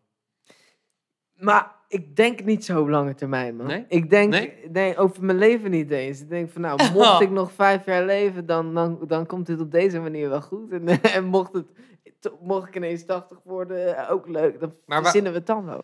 Eh, trouwens, nu je dat zegt, dat is hoe voor mij de bands altijd waren op Plein Open of Bevrijdingsfestival. Of sterk nog, Zeeheldenfestival. Ja. Dat was altijd echt een fucking goed feestje. Maar hoe die bands die er stonden. En dat maakt mij voor, voor mij ook echt niet uit. Als je, Ja, maar het je, je onthoudt. draagt bij aan de experience voor de bezoeker. En ik denk dat dat iets is. En eh, daarom wil ik dit, dit ook heel graag benoemen. Het gaat onwijs om de muzikant en de club of de, de, de, de, de eigenaar van, van zo'n toko. Maar het gaat ook om de mensen die naar de muziek luisteren. Tuurlijk, altijd. En die zitten nu ook thuis. En ik Ja. hoop echt, godzijdank, dat ze naar deze podcast luisteren.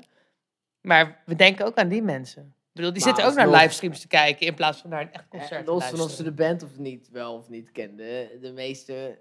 Want met speakeasy spuug ik zo daadwerkelijk in je gezicht. Echt voor je neus. Als Ja, ik, ik, heb, ik, ik heb wel eens filmpjes voorbij Ja. zien komen. Ik Als dacht ik- dat je ging zeggen, ik heb met een Nou ja, dat kan heel makkelijk. Als ik niet op je ben geland of je ergens heb aangeraakt. Of je en dan meestal zoek je dan vaak wel even op wie dat toch was. Maar als je me ziet lopen, dan weten ze meestal wel wie het was. Dus ik word het niet heel vaak vergeten. De meeste mensen die me kennen, kennen me wel van de live shows. Dat sowieso. Ja, maar voor mij, voor mij is dat een kracht. Ook, toch? Met speakeasy is dat, werkt dat onwijs goed. En dat is ook wel wat het zo leuk eh, houdt en blijft. Absoluut. Ja. Waar heb jij nou, eh, in, voornamelijk in coronatijd, echt veel naar geluisterd? Waar je voorheen misschien niet zoveel naar luisterde, of die je wel kende, of die je totaal niet kende? Of... Nou ja, voor mij is het, ik luister al heel lang en vooral heel veel naar Hozier. Dat is ook altijd wel mijn grootste inspiration. En Michael Kiwanuka hebben we al, ja, ook wel, wel voor de lockdown echt ontdekt. Maar dat nieuwe album komt toen uit. Fucking goed. Elton John luister ik heel veel. Ah, R- Rammstein kijk ik altijd nog wel veel. En dat vind ik echt geweldig. Een tattoo van. En, eh, zo blij dat Ja. ik voor, nou, niet voor de lockdown, maar inderdaad eh, vorig jaar nog, Ja, eh, in de- was je er 2019, ben ik in Brussel naar Ramstein geweest. oh En ja, dat was, Dat je inderdaad het idee hebt van, ah, die al goed. zo lang, die worden oud. ja, dat was zo vet. Ja, ik was bij diezelfde tour in uh, Ahoy. Blijf vet. sick. Echt sick. Nee, maar dat, dat soort dingen. En ik heb toevallig dat ik de Grammys had gezien. Oh, en Idols trouwens. Idols was een I-D-L-E-S. Dat is een Ierse punkband. Dat is fucking grappig, want het is zo, echt zo'n punkband met 2,5 minuutlingens. Dat komt wel echt door mijn vriendin dat ik luister. Maar die... eh, en die zingen over super feministische en linkse eh, eh, onderwerpen. Dan gaat het over vrouwen, vrouwenrechten en, en, en eh, over vrouwen benaderen. En dan zingen ze in zo'n punk zo, consent, consent, consent. dat is super chill. Dat is. Maar en, eh, ik weet nog dat de- die Grammys uitreikingen vorig jaar waren. En dat ik toen viel mij op dat sommige mensen gewoon super sexy gekleed waren. En daar ging goed op. Mannen heb ik het over. En dat mij opviel, Orville Peck, dat is super cool. Dat is zo'n guy, westerns dude. En die heeft dan gewoon echt zo'n cowboy western hoed op. Maar die heeft daar dan zo'n ja, soort gerafelde masker voor hangen. Heel bizar om te zien. Super cool. Heel extravagant. En die, en dat is mij echt deze week recent opgevallen. Hij heeft dus een nummer gecoverd. Fancy het. Een heel oud nummer. Ik weet niet van wie het was. Een vrouw. En het gaat over een vrouw eh, uit een heel arm gezin. En die krijgt dan een jurk. En dan kan ze eindelijk... eh, hè, dat is eigenlijk alles Een beetje aspoester verhaal eigenlijk. Nou, maar dan op een hele trieste manier. Want zij krijgt de jurk van de moeder van het laatste spaargeld. Maar uiteindelijk wordt ze bijna een soort van uitgehoerd en zo. Het is echt heel zielig. eh, maar een soort van, eh, ja, van armoede. Van. En het is heel grappig, want Orville Peck heeft hij dus gecoverd. Hij is natuurlijk een man, dus het is heel anders. En hij covert hem dan. Maar hij zegt het nog wel eh, dat, er dan, dat er dan eindelijk een vaste vrouw staat waar eerst een klein jongetje stond. Terwijl in de originele tekst is, er staat nu een vrouw waar er eerst een meisje stond. Maar nu, waar eerst een jongetje. En bij hem, zelfde liedje, zelfde tekst, gezongen door een man. Alleen verandert hij wel girl naar boy. En nu is het, gaat het over gewoon een guy die dan ineens een drag queen wordt. En zich daar super zelfverzekerd in wordt. Oh, Toen is hetzelfde liedje. En oh, het vet, vet, vet. Maar dat is zo vet. En dat viel mij laatst op. En toen dacht ik van, huh? Ik zag dat hij het had gecoverd. Ik dacht, huh, hoe dan? Dat Ja, maar wel vet. dat zo En ineens vet. een hele andere betekenis aan die tekst. In ieder geval voor het mij. En eh, eh, ja. Ja, heel cool. Dus dat is toevallig iets wat mij laatst heeft geïnspireerd. Ik dacht van ja, dat is wel vet. Van die vrouwenliedjes. Ik haat het als mensen zo ontzettend hetero zijn. Dat als ze een vrouwenliedje zingen wat over hun gaat. I was in love with him. Dat ze dan gaan her gaan zeggen of zo de hele tijd. Ik vind dat zo irritant. ik ben bi, dus voor mij is het makkelijk praten. dus ik, kan, ik hoef sowieso geen tekst te veranderen. Maar Eh, Wanneer zien we Tom in de jurk? Eh, afgelopen keer in Pride Café. Oh, sorry. Dus, ja, ik, wa- ik eh, was er niet. Ja, maar sorry. Ja. Nou, volgende optreden waarschijnlijk da- weer. daar ben ik erbij, sowieso. Nee, je ziet mij echt wel. eh, als je een optreden komt, zie je mij wel één op de drie keer in de jurk. Nou, ja, ik, ik, kan, ik, ik heb dit ook wel eens. Niet dat ik dan optreed in een jurk, maar ik ga wel eens uit in een rok. En het is echt bevrijdend. Tuurlijk. Het is echt fijn om te dragen, of niet? het is voor mij vooral. Ik vind het gewoon oprecht gewoon lekker staan. Ik, vind Ik het- ook, ja, same. Ik, ja. ik had die jurk aan en in, eh, ik, ik vond het gewoon oprecht wel. Ja, gewoon goed zo. Ik, vind het gewoon mooi. Het is dat dit oprecht gezeik oplevert. En, eh, ik heb een hele. Oh, dat heb ik niet aan vandaag. Ik heb een hele mooie roze neppontjas. Dat is, maar dat is gewoon mijn jas. Gewoon mijn dagelijkse casual jas. En bijvoorbeeld. eh, nou, niet daar te diep op in, maar ik heb wel een discussie eh, gehad met mijn vader eh, over. Maar mensen doen dat alsof ik dat aantrek om maar een statement te maken of interessant te doen. Terwijl op het podium doe ik dat nog wel eens. Hoor. Dan doe ik wel iets aan wat ik normaal niet zou dragen. Om, om, om te chockeren. Ja, echt even om te chockeren. Verder. Maar die jas, specifiek die jas, is gewoon, doe ik helemaal niet om iemand te chockeren. Nee, je vindt het gewoon Ik vet. vind het gewoon vet. Ik Ja, maar me- dat heb ik dus gewoon jouw ja, jas. ik voel me er fijn, ik voel me goed. Maar ik, word daar, ik ben daar wel eh is in bedreigd. En er is wel eens een uh, flinke... Ja, dus een dude waar ik eerst woonde, in Cartesiusstraat bij Richteskwartier. kwam er een gast naar me toe. eh, klein homootje, klein homo. En die kwam zo op me aflopen. En eh, ja, dat, dat soort dingen. Dat is wel eerder gebeurd. Ben ook wel eens in de tram, omdat ik gewoon een vet geile broek aan had.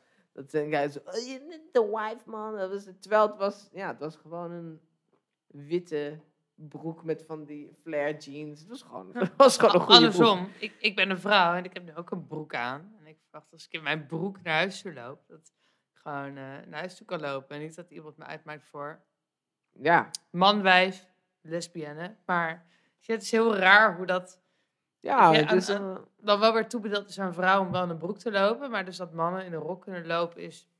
Ja, dat is, en ik vind dat ook wel irritant. Ik merk ik heb het, ja, ik had het volgens mij echt nog gisteren met mijn vriendin over dat ik, ik, ik draag graag make-up, ik vind het leuk, of, eh, of eh, ehm, een, ja, meer vrouwkleding of whatever.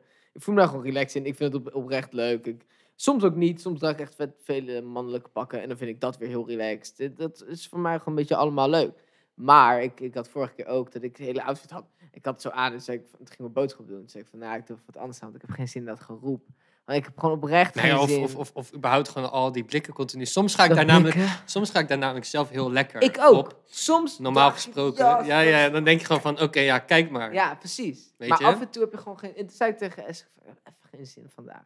In mensen Maar die Dat kijken. komt denk ik ook, want ehm, ik heb daar net bewust bij stilgestaan, maar ik vind het ook heel chill om in mannenkleding te lopen, als gewoon baggy jeans, mannenjas, whatever. Maar dat is altijd minder Ja. uitbundig dan een Ja, dan andersom. Dat is ook zo. Ja. Vrouwenkleding is vaak uitbundiger, Daarom kleurrijker, leuker om te dragen. benadrukt meer. Ja. ja, maar benadrukt ook meer wie je bent. Ja. En dat maakt wel dat je extra in het oog springt als Ja. vrouw. Ja, ik had, het, eh, ik had het met Oud en Nieuw. Deze Oud en Nieuw. Ik had het gevierd met eh, een paar mensen. En ehm, Binnen de coronamaatregelen. zeker, zeker. Gewoon disclaimer. Dis disclaimer. Zeker. Ik zou niet durven. Maar ehm, nee, ja, ik had dus, ik denk dus uit, ik, ik, ik ga dit vieren met, met een paar mensen eh, die eh, zeer dicht bij me staan en waarvan ik weet dat ik gewoon mezelf kan zijn. Dan denk ik, uit, dat is weer een goed moment voor, voor, die, eh, voor die lange rok die ik heb, zeg maar. En toen kwam ook iemand naar me toe en die zei, ja, en, eh, waarom, waarom draag je dit dan? Draag je dit nou? Wat voor statement wil je Ja. daarmee maken?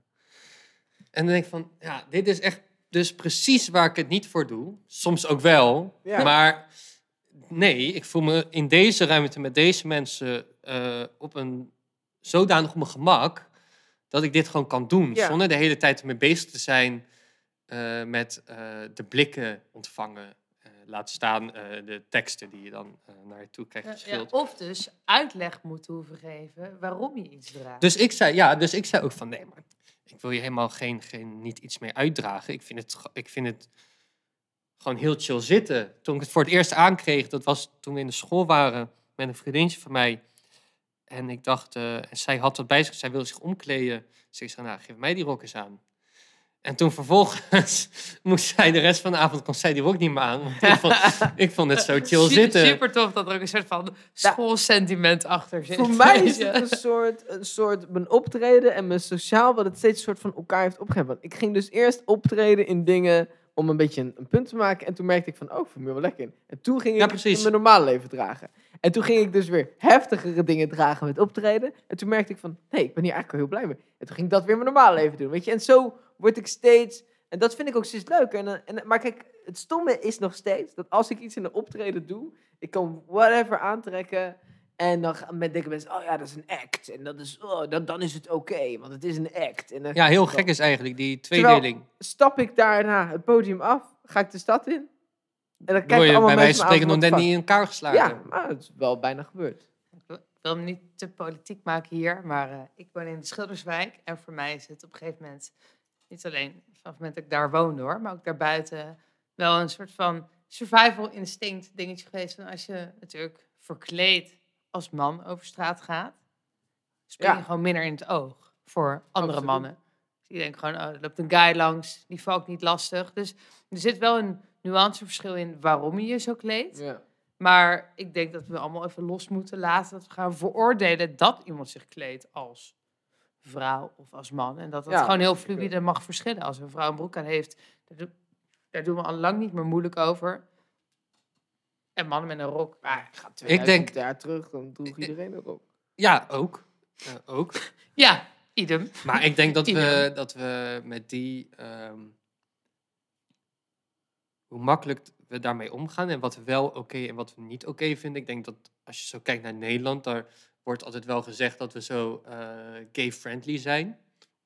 Ja, Maar ik denk dat het nog hartstikke maar tegenvalt. Vooral daarop ingaande nog. Kijk, nu gaat het nog over een jurk. En dit is, die, dit is dus precies wat ik laatst tegen Esmee uitlegde. Van kijk, zo voelt het dus voor mij. Voelde het voor mij als ik met een man deed. Want als ik dus eh, nu besluit ik van, weet je wat, ik doe even vandaag die roze jas niet aan. Want dan word ik niet zo nagekeken. Maar toen moest ik dus oprecht besluiten van, nou, laten we even niet hand in hand lopen. Want anders krijg je de hele tijd die blikken. En dat vind ik vet ernstig. Dat je gewoon niet met je geliefde of met iemand met wie je date of whatever, niet gewoon hand in hand kan lopen, want dan word je al nageroepen. En maakt niet uit, als zie je er zo hetero uit als de pest, je hand in hand... Nou, nageroepen. eh En ja, mensen werden dan een paar jaar geleden gewoon, en, en waarschijnlijk nu nog steeds, in elkaar geslagen. Ja, maar en, een eh, man Een week, geleden nog, was. een week geleden nog, artikel uit Amsterdam. Ja. Midden in een drukke winkelstraat, midden op de dag. En gewoon niemand die helpt.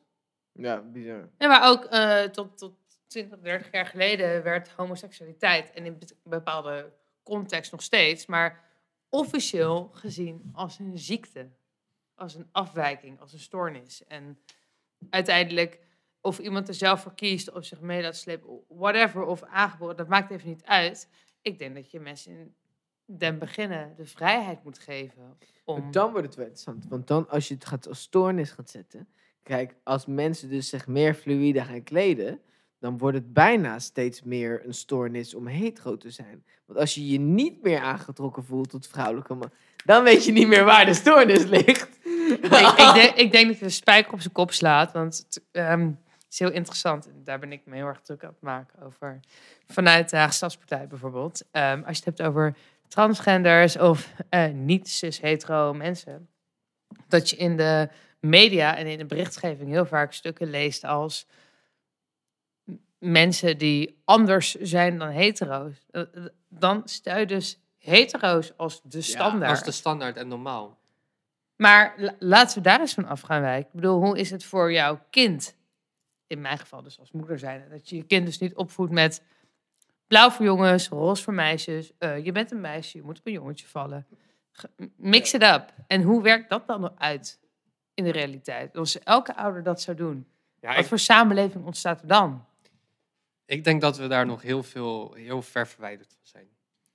Ik denk dat, Ik als, denk dat als, we- als, als, kijk even naar ehm, hoe pijnlijk duidelijk is geworden tijdens de lockdown. ehm, hoe eh, ja, achterlijk eigenlijk eh, de, de gemiddelde Nederlander is.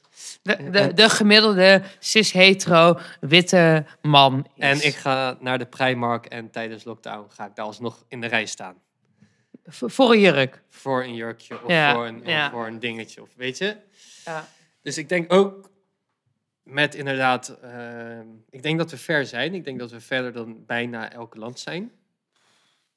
Ja, dat vind ik dan altijd toch een soort van de meest trieste eh, ja, stelling. Hè. Van, is, dit, is dit echt het best? Komen hier mensen Nee. daadwerkelijk hier naar... Nee, maar als ja. in, is dit op dit moment, is dit het veiligste land voor me? Ja, dat, dat vind ik dus echt dramatisch. Dat Nou, vind ik onwijs. hè. Ja, en, en dat ik denk dat er ehm, dat Nederland als, als vrouw en als vertegenwoordiger van een lokale politieke partij die bijvoorbeeld inzet voor vrouwen en, en eh, mensen van kleur, dat je dus kan zeggen, eh, misschien ben je voor witte homo's wel het veiligste land, maar heb je wel eens gekeken naar representatie van Ja. ehm, vrouwen die niet op mannen vallen Ja. in andere culturen. In welk land worden Ja. deze mensen vertegenwoordigd? Ja. Weet je, dat is echt een heel groot struikelblok voor heel veel landen. En daarin mag ook, ook Nederland een emancipatieslag doormaken. Op heel veel manieren nog. Ja, maar eh, wanneer, wanneer gaan wij een keer eh, jurken en broeken uitwisselen, jongens? Ja, joh, ik, ik, ik, daar, dat is de hele reden. Ik heb met Ah. mijn vriendin op een gegeven moment besloten, we hebben één kledingkast. Oh, maar dat is heel goed. We hebben een beetje elkaars maat. dat is heel oh, goed. ja? ja? Dus dat Ja. is ideaal. kom je niet vaak tegen. Dus zij draagt mijn jurken, ik eh, draag die van haar. Oh, Dat- heel nice. Keurig. ja, keurig. dus dat is top. Nee, ik draag haar draagt Maar ik, ik ruik ook wel een coronaproof eventje. Als je, de, als je de kleding maar reinigt tussendoor, dan kun je gewoon een keer een goede modeshow organiseren. Nee, met social distancing. Eh, let's get that open-minded shit together. Ja, maar wij zijn al open-minded, hè?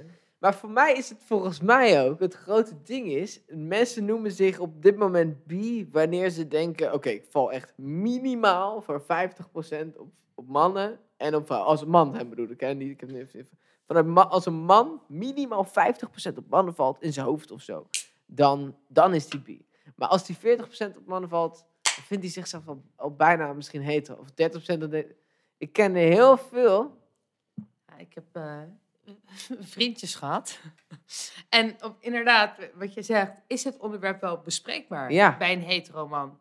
En ik ben dus zelf momenteel vrijgezel en heb gesprekken met vriendinnen over hoe sta je tegenover vrouwen. Ik heb zelf nog niet een vrouw tegengekomen waarvan ik denk, ik ben biseksueel. Maar ik denk dat voor een vrouw bijvoorbeeld zo'n zoektocht natuurlijker is. Maar ook omdat het weer geseksualiseerd wordt Ja. door de heteroseksuele Ja, en omdat samenleving. mannen goor zijn, dus dat je Maar dan bij mannen is het inderdaad vies. ja, maar bij mannen is het vies als je het hebt over eh, man on man.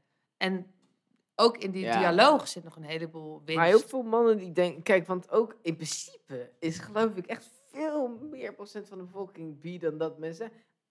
Als jij 90%... Ja, maar voor mannen is het niet stoer om het toe te Nee, oké, geven. maar dus, als jij, dat dus snap ik. Maar als jij een man bent en je valt voor 90% op vrouwen, maar er is, al is er maar één man die je zou neuken, je bent gewoon bi. Fuck Ja, maar- jou, je maar bent bi. ik denk dat het ook iets heeft te maken met eh, mijn psychologie-studie hoor, maar met eh, hoe mannen staan tegenover seksualiteit ten, ten overstaan van vrouwen. Vrouwen zijn minder gericht op, op de 100% porno-seks en de Precies. penetratie. Die, die, hebben nog Ja. intimiteit en romantiek wat er omheen zit. Mannen hebben dat over het algemeen een stuk minder. Die zijn meer gericht op ejaculatie en weet je, die biologische voortplanting. En dan wordt het natuurlijk ook een stuk heftiger als je het hebt over guy on guy. Ja, maar dat is voor mij ook een oprecht, en dat meen ik ook wel, een groot deel waarom ik een vriendin heb. Niet dat het is, het heeft mij, deze man heeft me op die manier wel een beetje afgeschrikt op de manier van, eh, mannen zijn best wel heel snel, go, nee. Ja, mannen willen echt Ik een lineair niet. verloop hebben. Van, Ja. Kijk, ik, ik raak opgewonden, ik vind je aantrekkelijk, Nou, ik, op. wil, ik wil me zaadlozen. En een vrouw kan zeggen, ik beland in een sensueel spelletje met je Ja. en we voelen een beetje. Op een gegeven moment kun je ook weer afhaken en dan dan ik was heb- dat een dat is voor mij ook wel echt een reden. Ik hou er ook niet zo ontzettend van. Dat is voor mij ook wel echt een reden geweest dat ik ja, uiteindelijk toch in verhouding meer met vrouwen daten. Of langer dan met mannen. Omdat ik dat toch gewoon bijna ja, relaxter voelt. Ja, ik snap, wel, ik snap wel wat je daarin zegt. Voor, voor- bij mij is het voornamelijk, ik kan mannen echt wel knap vinden. Eh, weet je, als je gewoon door de stad loopt, en dan scan je automatisch, toch? Of je nou man of vrouw bent. Toch? Dus alles. Toch? Je scant Alles. automatisch. Ja, toch? Ja, ik wel. Hè? Ja, nee, nee, Ja, maar... ik, ik ook. Ik ook zeker. Ehm, maar dus ik kan wel, zeg maar, als ik een, een knap man zie lopen, of die ik dan knap vind, dan kan ik wel zeggen, oké, hij is wel- wel knap. En ik kan er dan ook eventueel mee zoenen. Maar, maar meer dan dat, daar houdt het dan ook op, zeg maar. Je denkt wel van, ja, we zouden wel context kunnen hebben, maar verliefd worden hoeft van mij niet. Nee, ook dat niet. Oh, Nee, nee, nee, nee, nee. Dus ik lig onder de tafel. Oké, Ja, we hebben het gezegd. Luisteraars, denk er even over na als je hem voorbij ziet lopen. Context, ja of nee? Swipe naar links Ja. of naar rechts. maar verliefd worden is wel een heel ander verhaal. Nee, maar ik bedoel niet zozeer ik gewoon... wat je bedoelt. Ver- verliefd worden is een heel ander verhaal. Ik Ja, dat heeft niks Ja, met context te tuurlijk. maken. Ik weet niet hoe jullie de lockdown doorkwamen, maar context. Nee, Ja. heeft niet zozeer met, met, met, met, met, met, met echt, echt seks te maken, maar meer gewoon van dat he- wat alles wat na zoenen komt, dat trekt mij gewoon niet. Nou, Om dat, met wel. een, om, dat- om dat met een band te doen. Oh. Nou, ja, ik weet niet. Heb je het met hem al gedaan? Wel eens? Nee. Nou, dan weet je dat toch niet?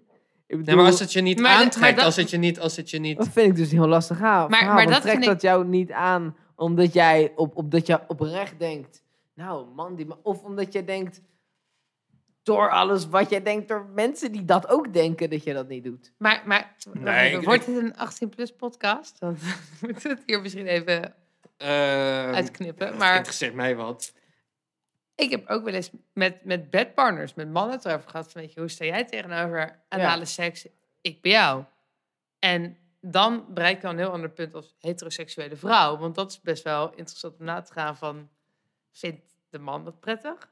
Ja, dat is gelijk al vrij intiem. Ik, dat is en super intiem, maar het is ook een heel ander concept van heteroseksualiteit. Tweede, derde date. Eh, Nou ja, het is wel gewoon een Nou, vaste iets- relatie. Ja, ik, ik weet niet... Weet gelijk ook bij een one night stand die Ik weet niet hoe, jij... eh, hey, maar kijk, ik denk, ik weet niet. Bij jezelf ga je al heel grappig. Ik dacht heel lang van mezelf ook van, nee, ik ben vast wel heet. Nee, ik vind mannen, ah, ik kijk er wel naar, maar nee, het zal wel niet, het zal wel niet. Ik heb echt zelf heel lang aangepraat, nou, het zal allemaal niet. Op een gegeven moment steeds, als je er toch, op een gegeven moment dacht ik, weet je wat, fuck dat. Ik laat gewoon, zo, ik, laat, ik probeer het gewoon. Dan merk ik toch van, oh, nou, misschien toch wel. Hè? Niet om te zeggen iets van jou. Of je rijdt of whatever. Maar als je denkt, ik zou er wel mee zoenen, ik zou er niet verder gaan. Dat vind ik, dat is Maar no offense, maar dat vind ik best bijzondere statement. Want hoe kan je voor jezelf zeggen, ik zou wel met je zoenen, maar niet... Ik vind zoenen veel intiemer dan seks, ten eerste. Ja? Ja. Alleen zoen al. Maar het, is een, het is een normatieve begrenzing van jezelf. En wat, nogmaals, dat heb ik dus in heteroseksuele seks gemerkt met mannen. Dat je dus zegt, dit doe ik niet.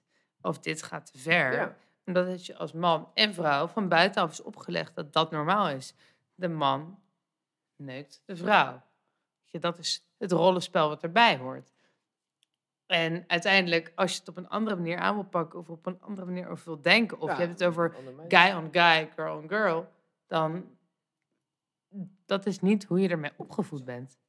Tommy Brown getting down, zo is ook mijn Insta. Ja, Tommy Brown Getting Down vind ik eigenlijk helemaal Ja. niet zo'n eh, raar... Vind ik zelfs een hele mooie poëtische insteek. Een goeie, in, ja, dat is mijn Insta naam. Ik dacht, het rijmt. En het is sexy.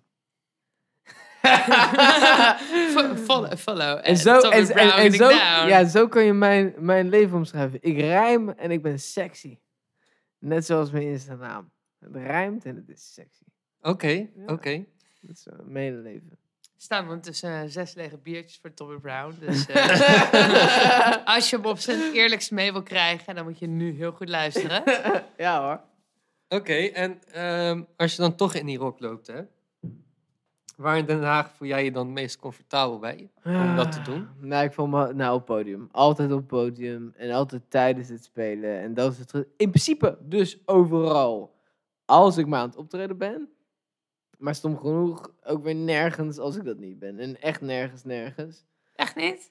Je hebt echt niet een plek waarvan je zegt... Oké, ik heb vanavond niet opgetreden, maar ik ga naar buiten, wel zonder je vriendin. Maar dat je dus zegt, Nee, trek nee, vanavond een rok het- aan om te gaan stappen. Nee, het gaat, nee, stappen zeker niet. Dan gaat het voor mij echt om bepaalde kringen en bepaalde afters en bepaalde mensen en huizen waar dat kan. Maar, Maar- niet eh, in principe. Niet Vooral- openbaar dus.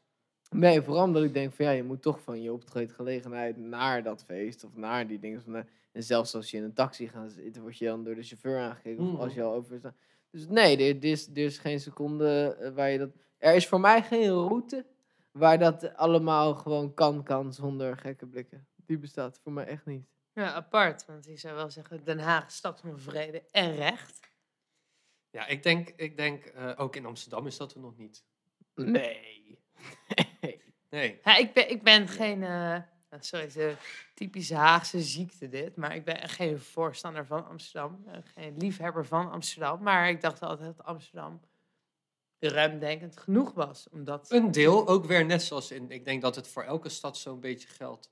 En Ja. ik denk dat natuurlijk elke stad heeft zo zijn voor- en zijn nadelen. Maar eh, voor wat ik weet en wat ik zie,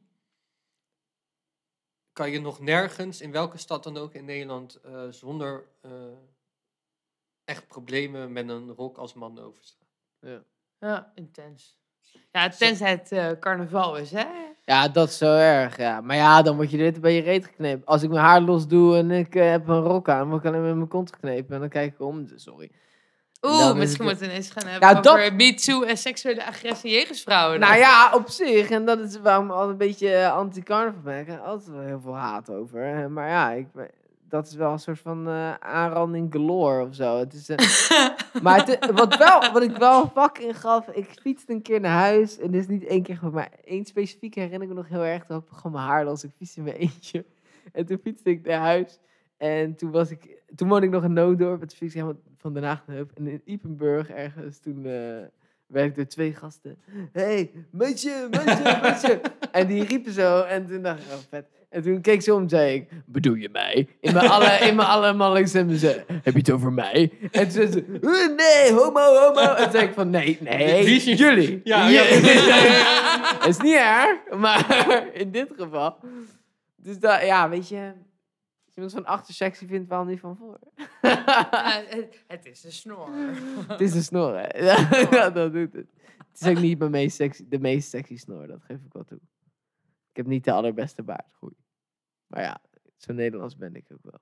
Daar kan je ook niks aan doen verder. Kan ik niks aan doen, man. Kan ik echt niks aan doen. hey, en eh, je hebt nog wat meegenomen vandaag? Ja, nee. Althans, Althans, in mijn hoofd. In ik je heb hoofd? mijn- mijn huis meegenomen oké. als voorwerp. Ne- neem ons even mee door je huis. Want eh, ik ben helemaal Ja, enthousiast. Maar het, het is corona, dus ik mag niet met je mee naar huis. Maar hoe ziet het huis Ik eruit? neem je mee door een hele ervaring wat mijn huis nog beter maakt. Mijn huis was, ik, wij woonden op een gegeven moment dus. S, de kamer en mijn kamer. We woonden vlakbij. We hadden eh eh, Regenteskwartier, zijn we de Regentesstraat, in Cartesiusstraat. We hadden allebei een kamer. Die van haar was nog s- soort van groot. Als in, er was wel ruimte, we konden wat chillen. Die van mij was letterlijk eh 10,5 vierkante meter. Echt, Ongeveer drie keer deze tafel. ja, echt, eh, nou ja, iets minder. Het was echt bed, bureau, vol. En daar moesten we leven. En dat was super, haar bovenburen. Altijd gezeik. Konden we nooit slapen. Bij mij zat een pizzatent naast die altijd besloot om, om twee uur s'nachts uh, een magazijn te vullen. Keihard.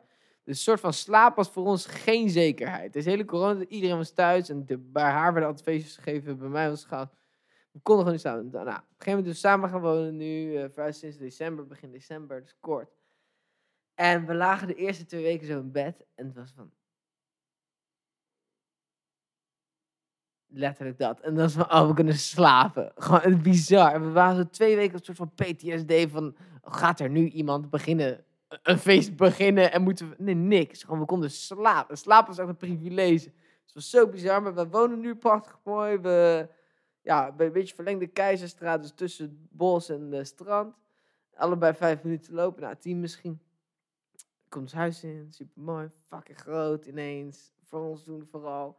Grote witte muur, super hoog uh, plafond, zo hoog als dit een beetje, drie meter wel. Misschien wel vier. Beamer op de muur, dus fucking groot. We hebben geen tv, dus maar één beamer die uh, alles beamt. En eh, ja, dat doen ze. En eh, toch? En, en, en een slaapkamer. En hebben we nog kleine serren. Super sexy. En een, en een keukentje. En gewoon alles voor onszelf. Ja, dit is, ja, dat is voor mij wel het belangrijk. Nou, voorwerp is het niet echt. Maar wel het, belangrijkste materialistische iets geweest in het afgelopen jaar. Dat we daarheen konden. Want, nou, En- niet en per naast- se dat onze relatie eronder ging lijden. Maar meer van, we gingen er persoonlijk zoveel onder lijden. Dat je gewoon überhaupt ongelukkig wordt. Hoe gezellig je het ook met elkaar hebt. En misschien het vo- het voorwerp wat jou een rol speelt, dan gewoon de sleutel van Ja. het appartement geweest. Die heb ik dus wel Ja, bij dat, me. ik wil Oh. net zeggen, Oh. ik hoop dat je die bij je hebt, want anders kom je niet meer terug. Ja, dan kunnen we- Gooi hem op, gooi hem op. Ja. Ja. Voor de effect- Ja, zit in mijn jas. Oké, maar naast, de, naast de, nou ja, de rust die je dus nu vindt in je nieuwe huis, wat is nog meer dat je denkt van, oké, ja, maar daarom is dit zo belangrijk voor mij? Ja, het- We kunnen gewoon mensen over de vloer... Nou, je- kijk, je kan nu niet echt mensen, mensen over de vloer hebben natuurlijk. Disclaimer, disclaimer. Ja, ja, maar dan meen ik ook, dat zijn we wel als semi echt wel een beetje serieus. Want tu- natuurlijk nodig geen 5, 6, 7, 10, 8, 9, Maar in 10.000. principe zou je dus, Maar wel, we doen nu wel al. Kijk, nieuwjaar zijn, hebben we toen, eh, dat kan ik ook gewoon zeggen. Eh, nieuwjaar hebben we vier, vier, vijf mensen de vloer gehad. Gewoon, Vind ik ook nog wel twee- decent hoor. Heel schappelijk. En, en, en af en toe eh, komen Als we, gewoon kijken, soms- als we kijken naar het Duindorp. Ja, en daar zitten we vlak Ja, je hebt niet gedemonstreerd in je woonkamer. Nou. En toen, maar af en toe hebben we gewoon twee mensen op de vloer. En die komen gewoon eten. Of we komen gewoon even film kijken op de beamer. En dan gewoon het feit dat we nu kunnen, als mensen zeggen... Oh, zo even chillen. Ja, ik weet niet echt is gewoon, ja, kan bij ons. Dat is gewoon al nieuw. Van, het kan bij ons. En we kunnen gewoon... Dit is oprecht relaxed. Ja, dat is, dat is voor mij al bijna een privé... En ik vergeet het geen seconde. Want ook elke keer dat er een nieuw iemand ons huis ziet... Dan ben ik, heb ik een soort van een bewustzijn al van tevoren van... Als ik dit huis binnen zou komen... En ik heb vrienden van, ik ben dan 22 en S is eh, nu drie- eh, 23. Ja, bijna 40. Eh, en eh, van, oh, ik heb vrienden van 22 23 in zo'n huis. Daar wonen, dan zou ik wel denken, wat fuck, hoe hebben ze dat geregeld? Ik ben er echt heel trots op en het is zo fijn, zo lekker. oké, oké, goed, goed bezig. Ja, ben heel chill. Zeker goed bezig. Ook omdat je zei van...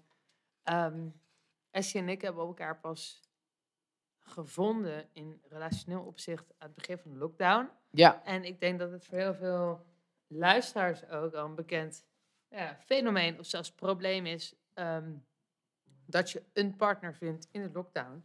Maar de kunst is denk ik ook om dus niet te vervallen in een relatie vanuit eenzaamheid van die lockdown, maar ook elkaar te vinden Ja. daarin. en gewoon En- veel te hard te gaan. Ja, maar daarmee valt of staat nu een goede relatie. Van doorbreek je het, eh, de, de noodzaak vanuit eenzaamheid in die lockdown?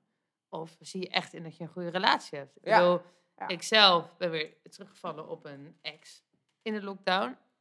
Is dat dan een goede relatie, ja of nee? De En naam die niet genoemd mag worden, toch? Sorry? De naam die niet genoemd mag worden. Hij die niet genoemd mag worden. yo. Daar gaan we het niet verder over hebben. Nee. Maar, Ah, wie dan, wie dan, wie dan?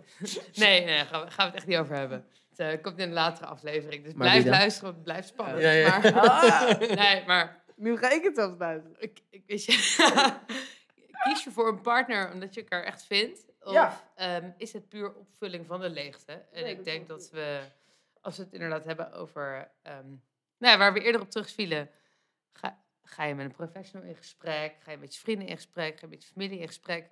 Of vind je een partner in deze eenzaamheid? Ehm, is dat iemand, is, de, is het de keeper? Ja. Of is het echt puur opvulling en- van die leegte? Ik denk dat je nog nooit zo snel daarachter bent gekomen. Dat denk ik ook.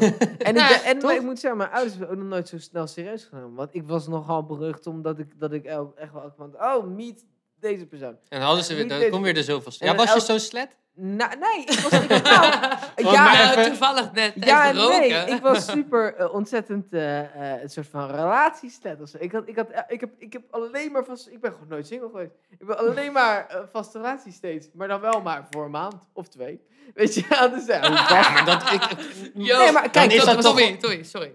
Maar als je een relatie voor een maand of twee... dat is gewoon Nee. daten, toch? Gewoon scharrelen. Tuurlijk is Dat het gewoon- daten ja. en scharrelen, maar het is niet het geval dat, dat, me, dat ik elke nacht of elke week weer ergens anders lag. Het was meer Nee, van... elke maand. maar even, hoe, hoe oud ben jij? Want Pascal is 23. 29, ik ben 27. En jij bent? jonger dan dat. En, en elke keer was het gewoon veel jonger. Echt veel jonger.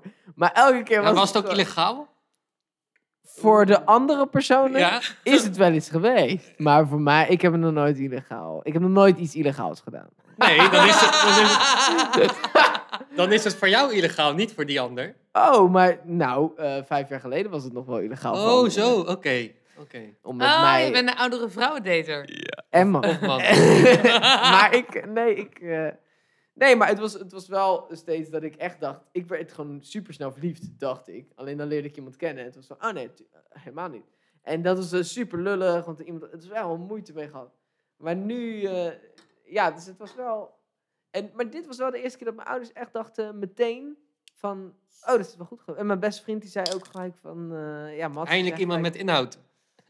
nou, iedereen had wel een inhoud. Maar misschien net niet wat mij, wat me absoluut wel. Ik heb hele leuke, nee, en ik meen het echt allemaal lieve mensen. En maar er is natuurlijk wel een verschil tussen. En ik persoonlijk eh, merk dat dan niet direct. Maar wel omdat ik, wat ik zei, ik werk in de horeca, ik werk in de PIP. En daar zie je relaties ontstaan Ja. voor je neus. Kapot relaties gaan. ver Ja. gaan, maar ook ver gaan voor je neus. En dat valt nu helemaal weg. Dus Ja. we hebben het ook over een, ehm, juist voor de luisteraars, voor de doelgroep, ook voor mensen die een uitlaatklep zoeken in dat uitgaansleven. En het kan bij mij in de pip zijn, het kan bij jou in het magazijn zijn, het kan ook bij jou eh, bij, bij je performance zijn. Dat je mensen voor je neus gewoon ziet socializen. En er ontstaan is- dingen. En dat, dat valt nu wel weg. Ja, maar tegelijk corona. biedt het ook wel weer een soort heel, eh, eh, bijna therapeutisch, dat als je het met iemand begint, begin je bijna wel echt een soort van iets. Want je, hè, want, Ja, ja. je, je begint wel serieus. Dus Ja, ja, je dus weet- En, Je weet nu waar je, waar je, je weet nu beter waar je aan begint. ja, Ja, maar, maar, dat, zou, maar dat, dat vind ik dus twijfelachtig. Want aan de, aan de ene kant skip je wel het, het one-night stand flirten gedeelte. Maar hoe zeker weet jij dat iemand het serieus neemt als iemand zegt... en niet, Kom maar, maar bij me wonen. met het verbreken van relaties ben je nu volgens mij wel, ja, ik weet het niet, maar volgens mij wel meer iemand iets verantwoord. Want je moet, als je iets verbreekt, kan je niet zomaar zeggen, nee, ik heb, ik heb het super druk. Of gewoon iemand mega ghosten Ja. van, nee, ik heb het echt onwijs druk en ik ben er altijd maar Ja, weg. dat gaat niet meer. Is gewoon niet zo. Dus als je Nou, nu met iemand eerlijk, verbreekt, ik ben aan het tinderen. En eh, waar, Oei. waar het dus misgaat, zou ik moet zeggen... Yo, gasten, nou, ik ben echt super druk. Ja, Ja, maar niet met andere gasten. Maar kijk, mensen zijn wel ineens drukker met zichzelf. ja. Dus, dus, nee, maar het is wel waardevoller om iemand dan nu tegen te komen. Met wie je zegt... hey, ja, maar je ik- kan ook druk zijn met jezelf, met iemand anders. Ja, daar zit je weer heel lelijk aan te kijken.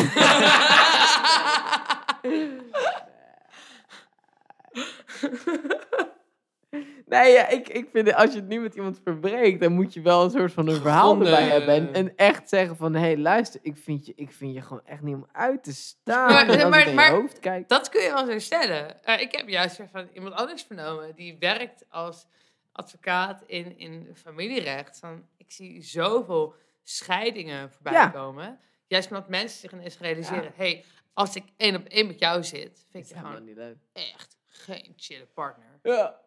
Dus wij zitten gelukkig nog met onze leeftijd aan de vooravond van een intense relatie. Maar waar maak je dat onderscheid? ja, samenwonen. Gewoon doen. Dankjewel. Ja. Ja, is dat, je- is, dat, is, dat, is, dat, is dat key? Voor, nou, het was, het was wel vrij bizar dat ik eh, na een week, nou ja, ja, na precies een week, eh, nee, na een halve week officieel hebbende, eh, en dat is een maand daten, hebben gezegd, eh, nou, ik ga gewoon bij je wonen, punt. Ja, Maar- dat, is wel, dat, is, dat is vrij snel. Maar we kenden elkaar wel fijn. Ja, jij zei me inderdaad Ja. dus straks dat Ja. jullie elkaar al langer kennen. Maar we mochten elkaar niet, niet. Hoe gaat niet- dat dan toch niet- in één keer over? Ehm, In, in, in, in, in, in, in precies het tegenovergestelde. Gewoon je, je shirt uitdoen. Nee, Gewoon die naar een hardcore, eh, hardcore performance toe gaan, op een stoeltje Nou, gaan zitten. En, nee, ja, eh, dat is, nee, wil je het verhaal? Ja, ik, ik, Heb je ik tijd voor het verhaal? Ik, heb tijd, ik heb alle tijd. S en ik, we kennen elkaar de hele tijd. Het is een vriendengroep. Echt al, ja, echt wel wat ik zeg, vier, vijf jaar lang. We wisten van elkaars bestaan. Ehm, toen op een gegeven moment was zij best wel goed bevriend met mijn ex-vriendin. Oké. En, en ehm, Is dit degene die die ik ook naam ken? zeggen? Nee. Weet ik niet. zeker. Nee, nee, nee, nee. Nee, nee, Ah, nee, niet die waar die hebben doet. Nee, nee, andere is en, en die, ehm, nou, die heeft nogal wat gedaan. Als in, die heeft nog wat betekend uiteindelijk in mijn toekomst van daten. En in ook vooral in mijn verleden en whatever. En eh dank je. Maar die, ehm, eh, toen had ik haar een keer ontmoet, toen ik nog met haar had, had ik dus eens een keer ook echt een keer op Instagram. Een fucking irritant wijf. Ik die haalt alleen maar het slechtste in mijn ex naar boven. Ik vond het echt vrees. En anderzijds dat, vond zij mij fucking irritant. Omdat ik met Onwijs gelid- pretentieus mannetje. wat hier Ja, zit, ze vond me zo pretentieus. Neem, neem Hoezo? niet te Hoezo? serieus, Nou, ik maar, stond, met, ik stond met glitter op een podium en ze vonden me zo irritant. oh. oh, die doet mij zo Je weer zo'n attenties. En die, ja, zoveel kan die niet, whatever. ja, hij eh, wil het maken in Den Haag en hij moet Ja, zichzelf even laten aandacht, zien. aandacht, precies. En eh, nou ja, terecht. En, en toen op een gegeven moment eh, gingen we allebei journalistiek studeren. Toen kwamen we bij elkaar in de klas. En Toen dacht ik al, kut, sorry.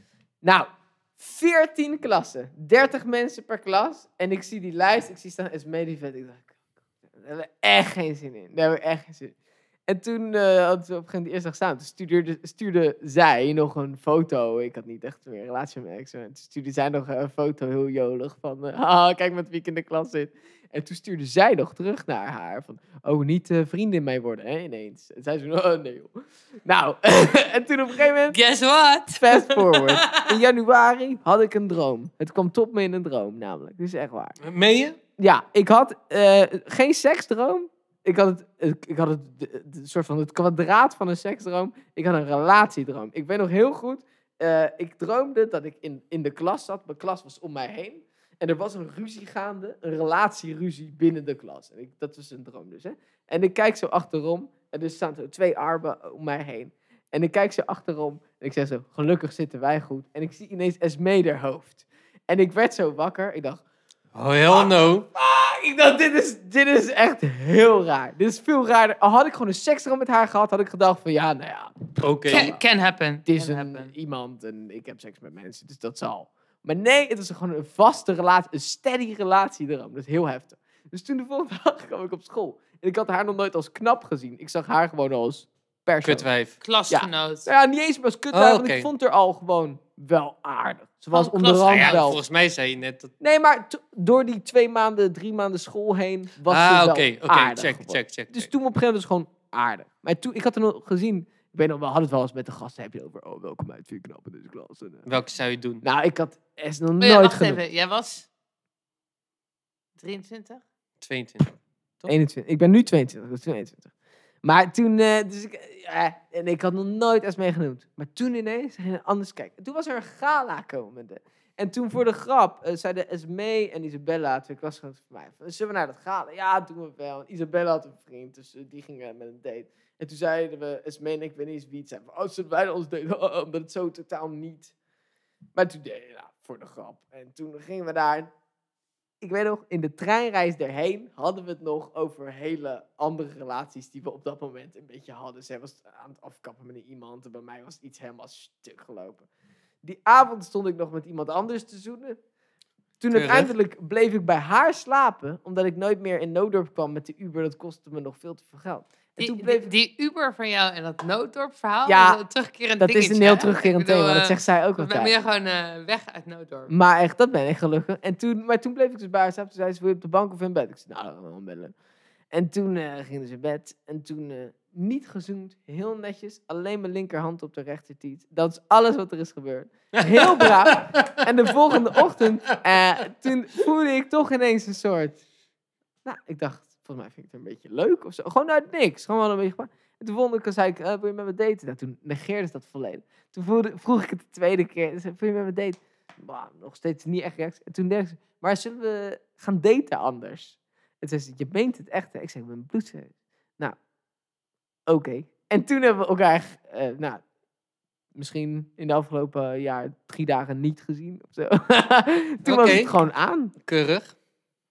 Ja, het ging echt van... Keurig is Ja, het juiste dan- woord, denk ik. Ja. Je valt dan Ja. alleen maar mee. Als je alleen maar denkt van deze persoon is kut. En denk van, oh, hij kan wel iets. Oh, maar maar, wel maar dit moet je eigenlijk niet tegen mij zeggen. Want ik zie nu eens heel veel potentiële lockdown Ja, partners. Al die mensen waarvan jij denkt... Nee, je moet ze eerst vijf jaar kennen. Dan ze kut vinden. Dan...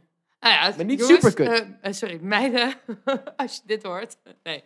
Je moet ze alleen maar kut vinden omdat diegene's ex zegt dat diegene zo kut is. Maar het is helemaal niet waar. Dus je moet wel zorgen dat die ex liegt. Ja, het is een vrij ingewikkeld verhaal, merk ik. Ik vind het nou ingewikkeld. Ja. Oké. Hoe, eh, hoe, lang, hoe lang kennen wij elkaar? vra- vraag het maar aan Til. Nee, wij kennen elkaar langer dan dat ik Til ken. Dat weet ik wel. daar, daar gaat de disclaimer al de mist in. Ja. Maar, Moet ehm, ik weg?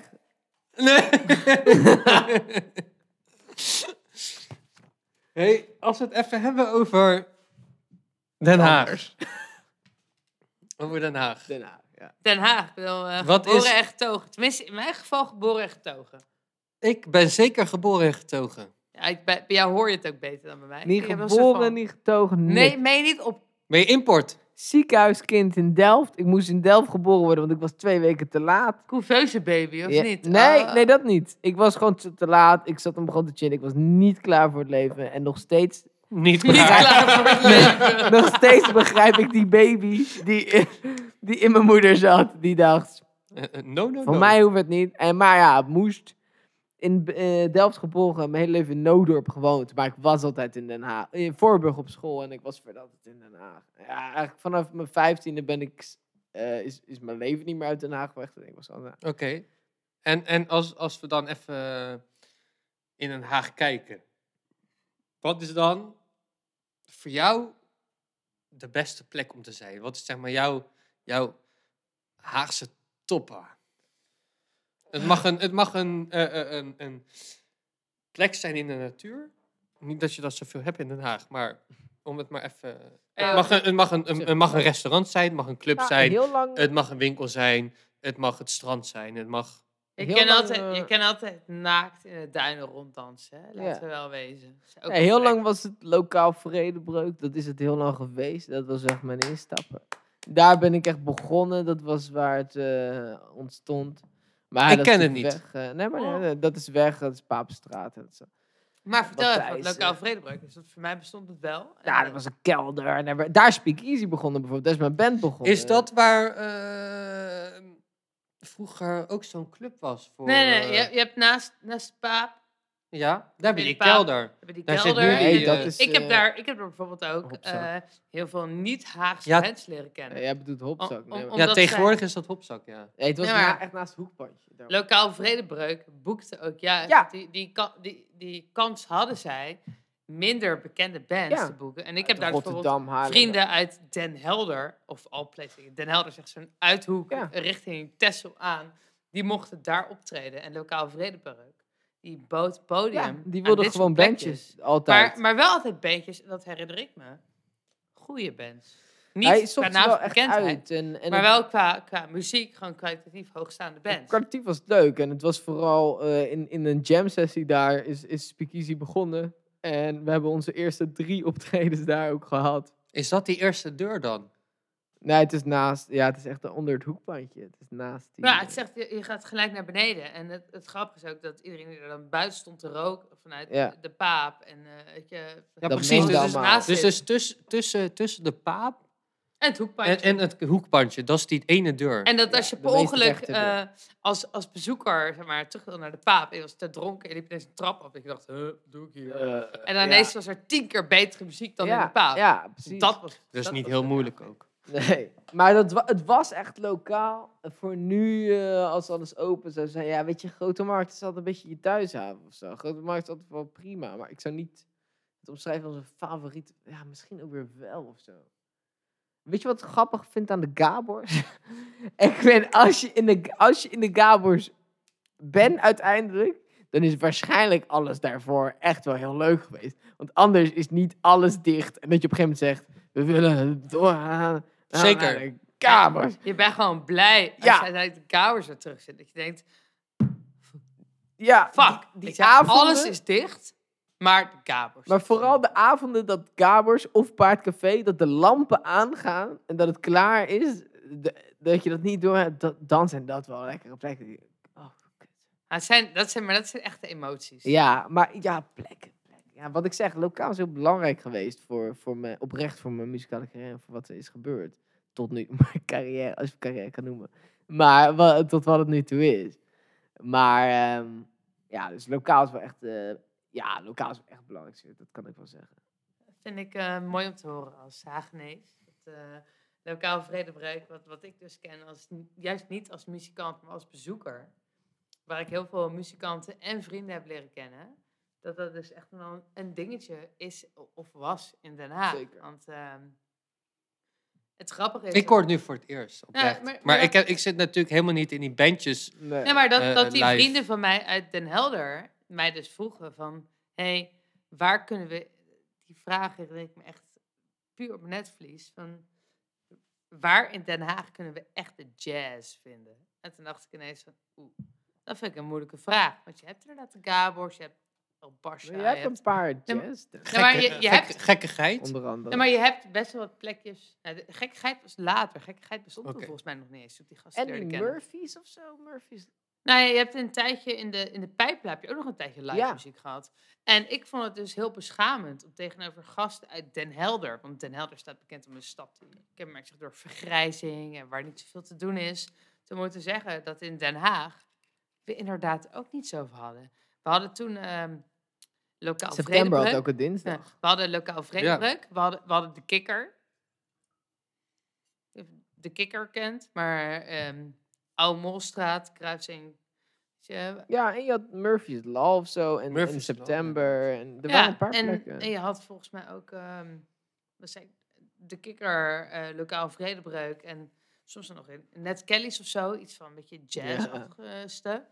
Maar dat ik dus moest zeggen tegenover vrienden van mij die uit een veel kleiner stadje afkomstig waren, dat we in Den Haag inderdaad helemaal niet zoveel goede live muziek hadden. Maar Ja. dat, dat geldt hetzelfde, denk ik, als voor geen goede, echte clubs. Ja, Maar, maar dat is hetzelfde. En ik, bedoel, denk dat hebt- we daar nog hebt- echt heel ver over door kunnen praten. Want Ja, we ik zitten vind als het Den altijd Haag als- man. Ik ben het daar nooit zo mee eens eigenlijk. Want ik weet dat heel veel mensen, heel veel Rotterdammers zeggen ook vaak, ja, in Den Haag is geen uitgaan. Ik ben het daar helemaal niet mee eens. Kijk, voor mij is een uitgaan een heel ander beeld. Mij hoef je echt niet in Rotterdam te vinden. Ik, vind, ik word er gewoon niet gelukkig. Ik word gewoon niet gelukkig van bungle beats en technofeesten. En, eh, ik, ik, ik ben er echt al geweest. Ik vind het hartstikke gezellig als ik er ben. Ik moet echt meegestuurd worden door de mensen die ik ken. Maar als ik zelf moet kiezen, voor mij is uitgaan veel meer ergens zitten, ergens zijn, ergens lullen, live muziek, een bandje kijken, meer bands dan DJ's. Dat is voor mij. Even een hele kritische vraag. Want aan het begin van de avond had jij het over dat je dan in eh, het paard kon staan. Maar corona-proof, dus mensen moesten zitten. Ja. En dat vond je niet chill. Nee, maar nu geef je aan dat er ook wel een Nee, zitgelegenheid dat is, een ander, dat is voor mij een ander ding. Ik vind een concerten of optredens, dan heb ik het over festivals of echt poppodia. Daar moeten we vol kunnen gaan. En ehm, ik vind juist bijvoorbeeld zoiets als de Zwarte Ruiter super relaxed. Je kan ergens op dat terras zitten en even binnen naar gluren van wat voor band er gaande is. Je kan ook vol voor gaan en vragen staan. Voor een band is dat ideaal. En voor de consument geloof ik ook. Want je kan daar ook zitten en het meekrijgen. Maar je kan ook gewoon gaan staan. En, en die tussenweg. En, en ik vind juist Den Haag heel goed in zoveel opties bieden van live muziek, van echt concerten, als in in het paard. Eh, echt dingen, twijfel van blijf je zitten, ga je staan, als in Zwarte Ruiter. En dingen van ik blijf echt zitten en we chillen, zoals bijvoorbeeld wel, zoals wel eens in de Hopzak werd gedaan. Er werd ook wel eens een jazzband. Ja, of, of dus gekkigheid. ja, precies. Gekkigheid was maar voor dat mij stond ook een- vol. En dan- Ja, maar was voor mij echt een uitvluchtplek. En juist omdat ik, ik zei, ik werk in Scheveningen, ik woon in de Schilderswijk. Gekkigheid zat echt precies op mijn doortocht. En ik dacht, nou, ik doe nog één, Ja. twee, drie biertjes. En ik kom bij de gekkigheid binnen en er werd er Maar ik ga echt niet, goede eh, muziek gespeeld. niet zeggen dat Den Haag een slechte uitgangsplek is. Daar ben ik het gewoon helemaal niet mee eens. Kijk, ja, ik mis gewoon... Ik hou van alle mensen die in het magazijn werken. En de meeste, ik ken, eh, ik ken ze natuurlijk door Blijnberg. Ik vind het geweldig. Maar, magazijn, is dat, was dat ooit mijn plek geweest als ik al die mensen niet had gekend? Tuurlijk niet. Ik had er geen voet binnen gezet. Dat is gewoon niet mijn scene. Maar ik kende die mensen en ik had het er ontwijs naar mijn zin. Omdat alles gewoon gezellig was. Die mensen waren leuk. En ze hebben wat die scene is fucking goed neergezet. Ja, helaas is het weg. Maar Ja, het komt wel weer, hè? ja, tuurlijk. Maar die, die, het was onwijs leuk. eh, maar dat is niet mijn scene, maar wel goed gedaan. Maar alsnog, ik vind Den Haag echt wel een uitgaanplek. En ik vind vooral zeker de gelegenheid wil bieden. Ik vind dat de gemeente echt nog wel meer plekken mag gunnen en meer kansen voor initiatieven mag geven. Maar al met al, ik vermaak me altijd in Den Haag. Ja, als de gemeente meeluistert, hoop ik dat ze echt heel goed hebben geluisterd net. Dus gemeente, gun die plekken. Maar echt. Ja. Tom, ik wil je echt eh, hartelijk bedanken. Is het zover? Het is zover. Ja, ja, ja, ja, ja. Ik denk, eh, ik denk dat je nog steeds net zo interessant bent als voor deze podcast. Oh, ik moet nog een bus halen ook. Hè. Oh, is dat zo? Ooit. Nou, ik denk dat je, voor, we- voor mij persoonlijk, eh, als, als sidekick van Pascal, is iemand die jou niet zo goed kent, ehm, nog interessanter bent geworden. Want eh, ik hoor het verhaal ook eens een keer vanuit de artiest. Ik heb laatst een, eh, een, een, een dronken man die bij mij aan de bar hangt, of wat dan ook. En eh, daardoor ook veel meer insights geeft. En dat we elkaar ook vinden in dingen die we in Den Ja, Haag zeker. herkennen, maar ook dingen die we in Den Haag missen door corona. Want Maar ik laten we wel verschil niet heel veel van corona- dronken man aan de bar, hoor. Ja, maar corona, corona beïnvloedt jou, Pascal en mij. Ja. En daar moeten we het gewoon over hebben. Heb je tenslotte nog een, eh, nog mensen die je wil, eh, die je wil bedanken in- van, over, van het afgelopen jaar? Is specifiek natuurlijk jullie, eh, om deze kans gaan even over te lullen, dat is sowieso leuk. En dat je het initiatief neemt, maar ja, S is natuurlijk wel eh, brandend geweest voor mij een jaar, sowieso Essie. En Mats, mijn beste maat, is gewoon altijd super steady. Sander en Karel hebben gewoon mijn muziek eten door blijven zetten, dus die. En zeker mijn moeder, mijn vader, mijn zussen. Gewoon, ja, dus je weet het, standaard dingen. Maar de mensen die wel echt blijven gaan. En ik heb er nu al altijd weer te veel niet genoemd. Ik vind dat heel link. Ja, ja, ja, ja, mensen wel noemen, want dan noem je vooral mensen niet. Maar eh, als je luistert en je denkt dat je wat waard bent, zou het vast zijn geweest. Dank je.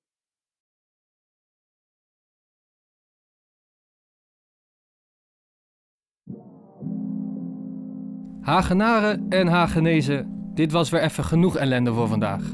En vergeet niet, je staat er niet alleen voor. Over twee weken zijn we weer terug met meer Haagse ellende, de podcast.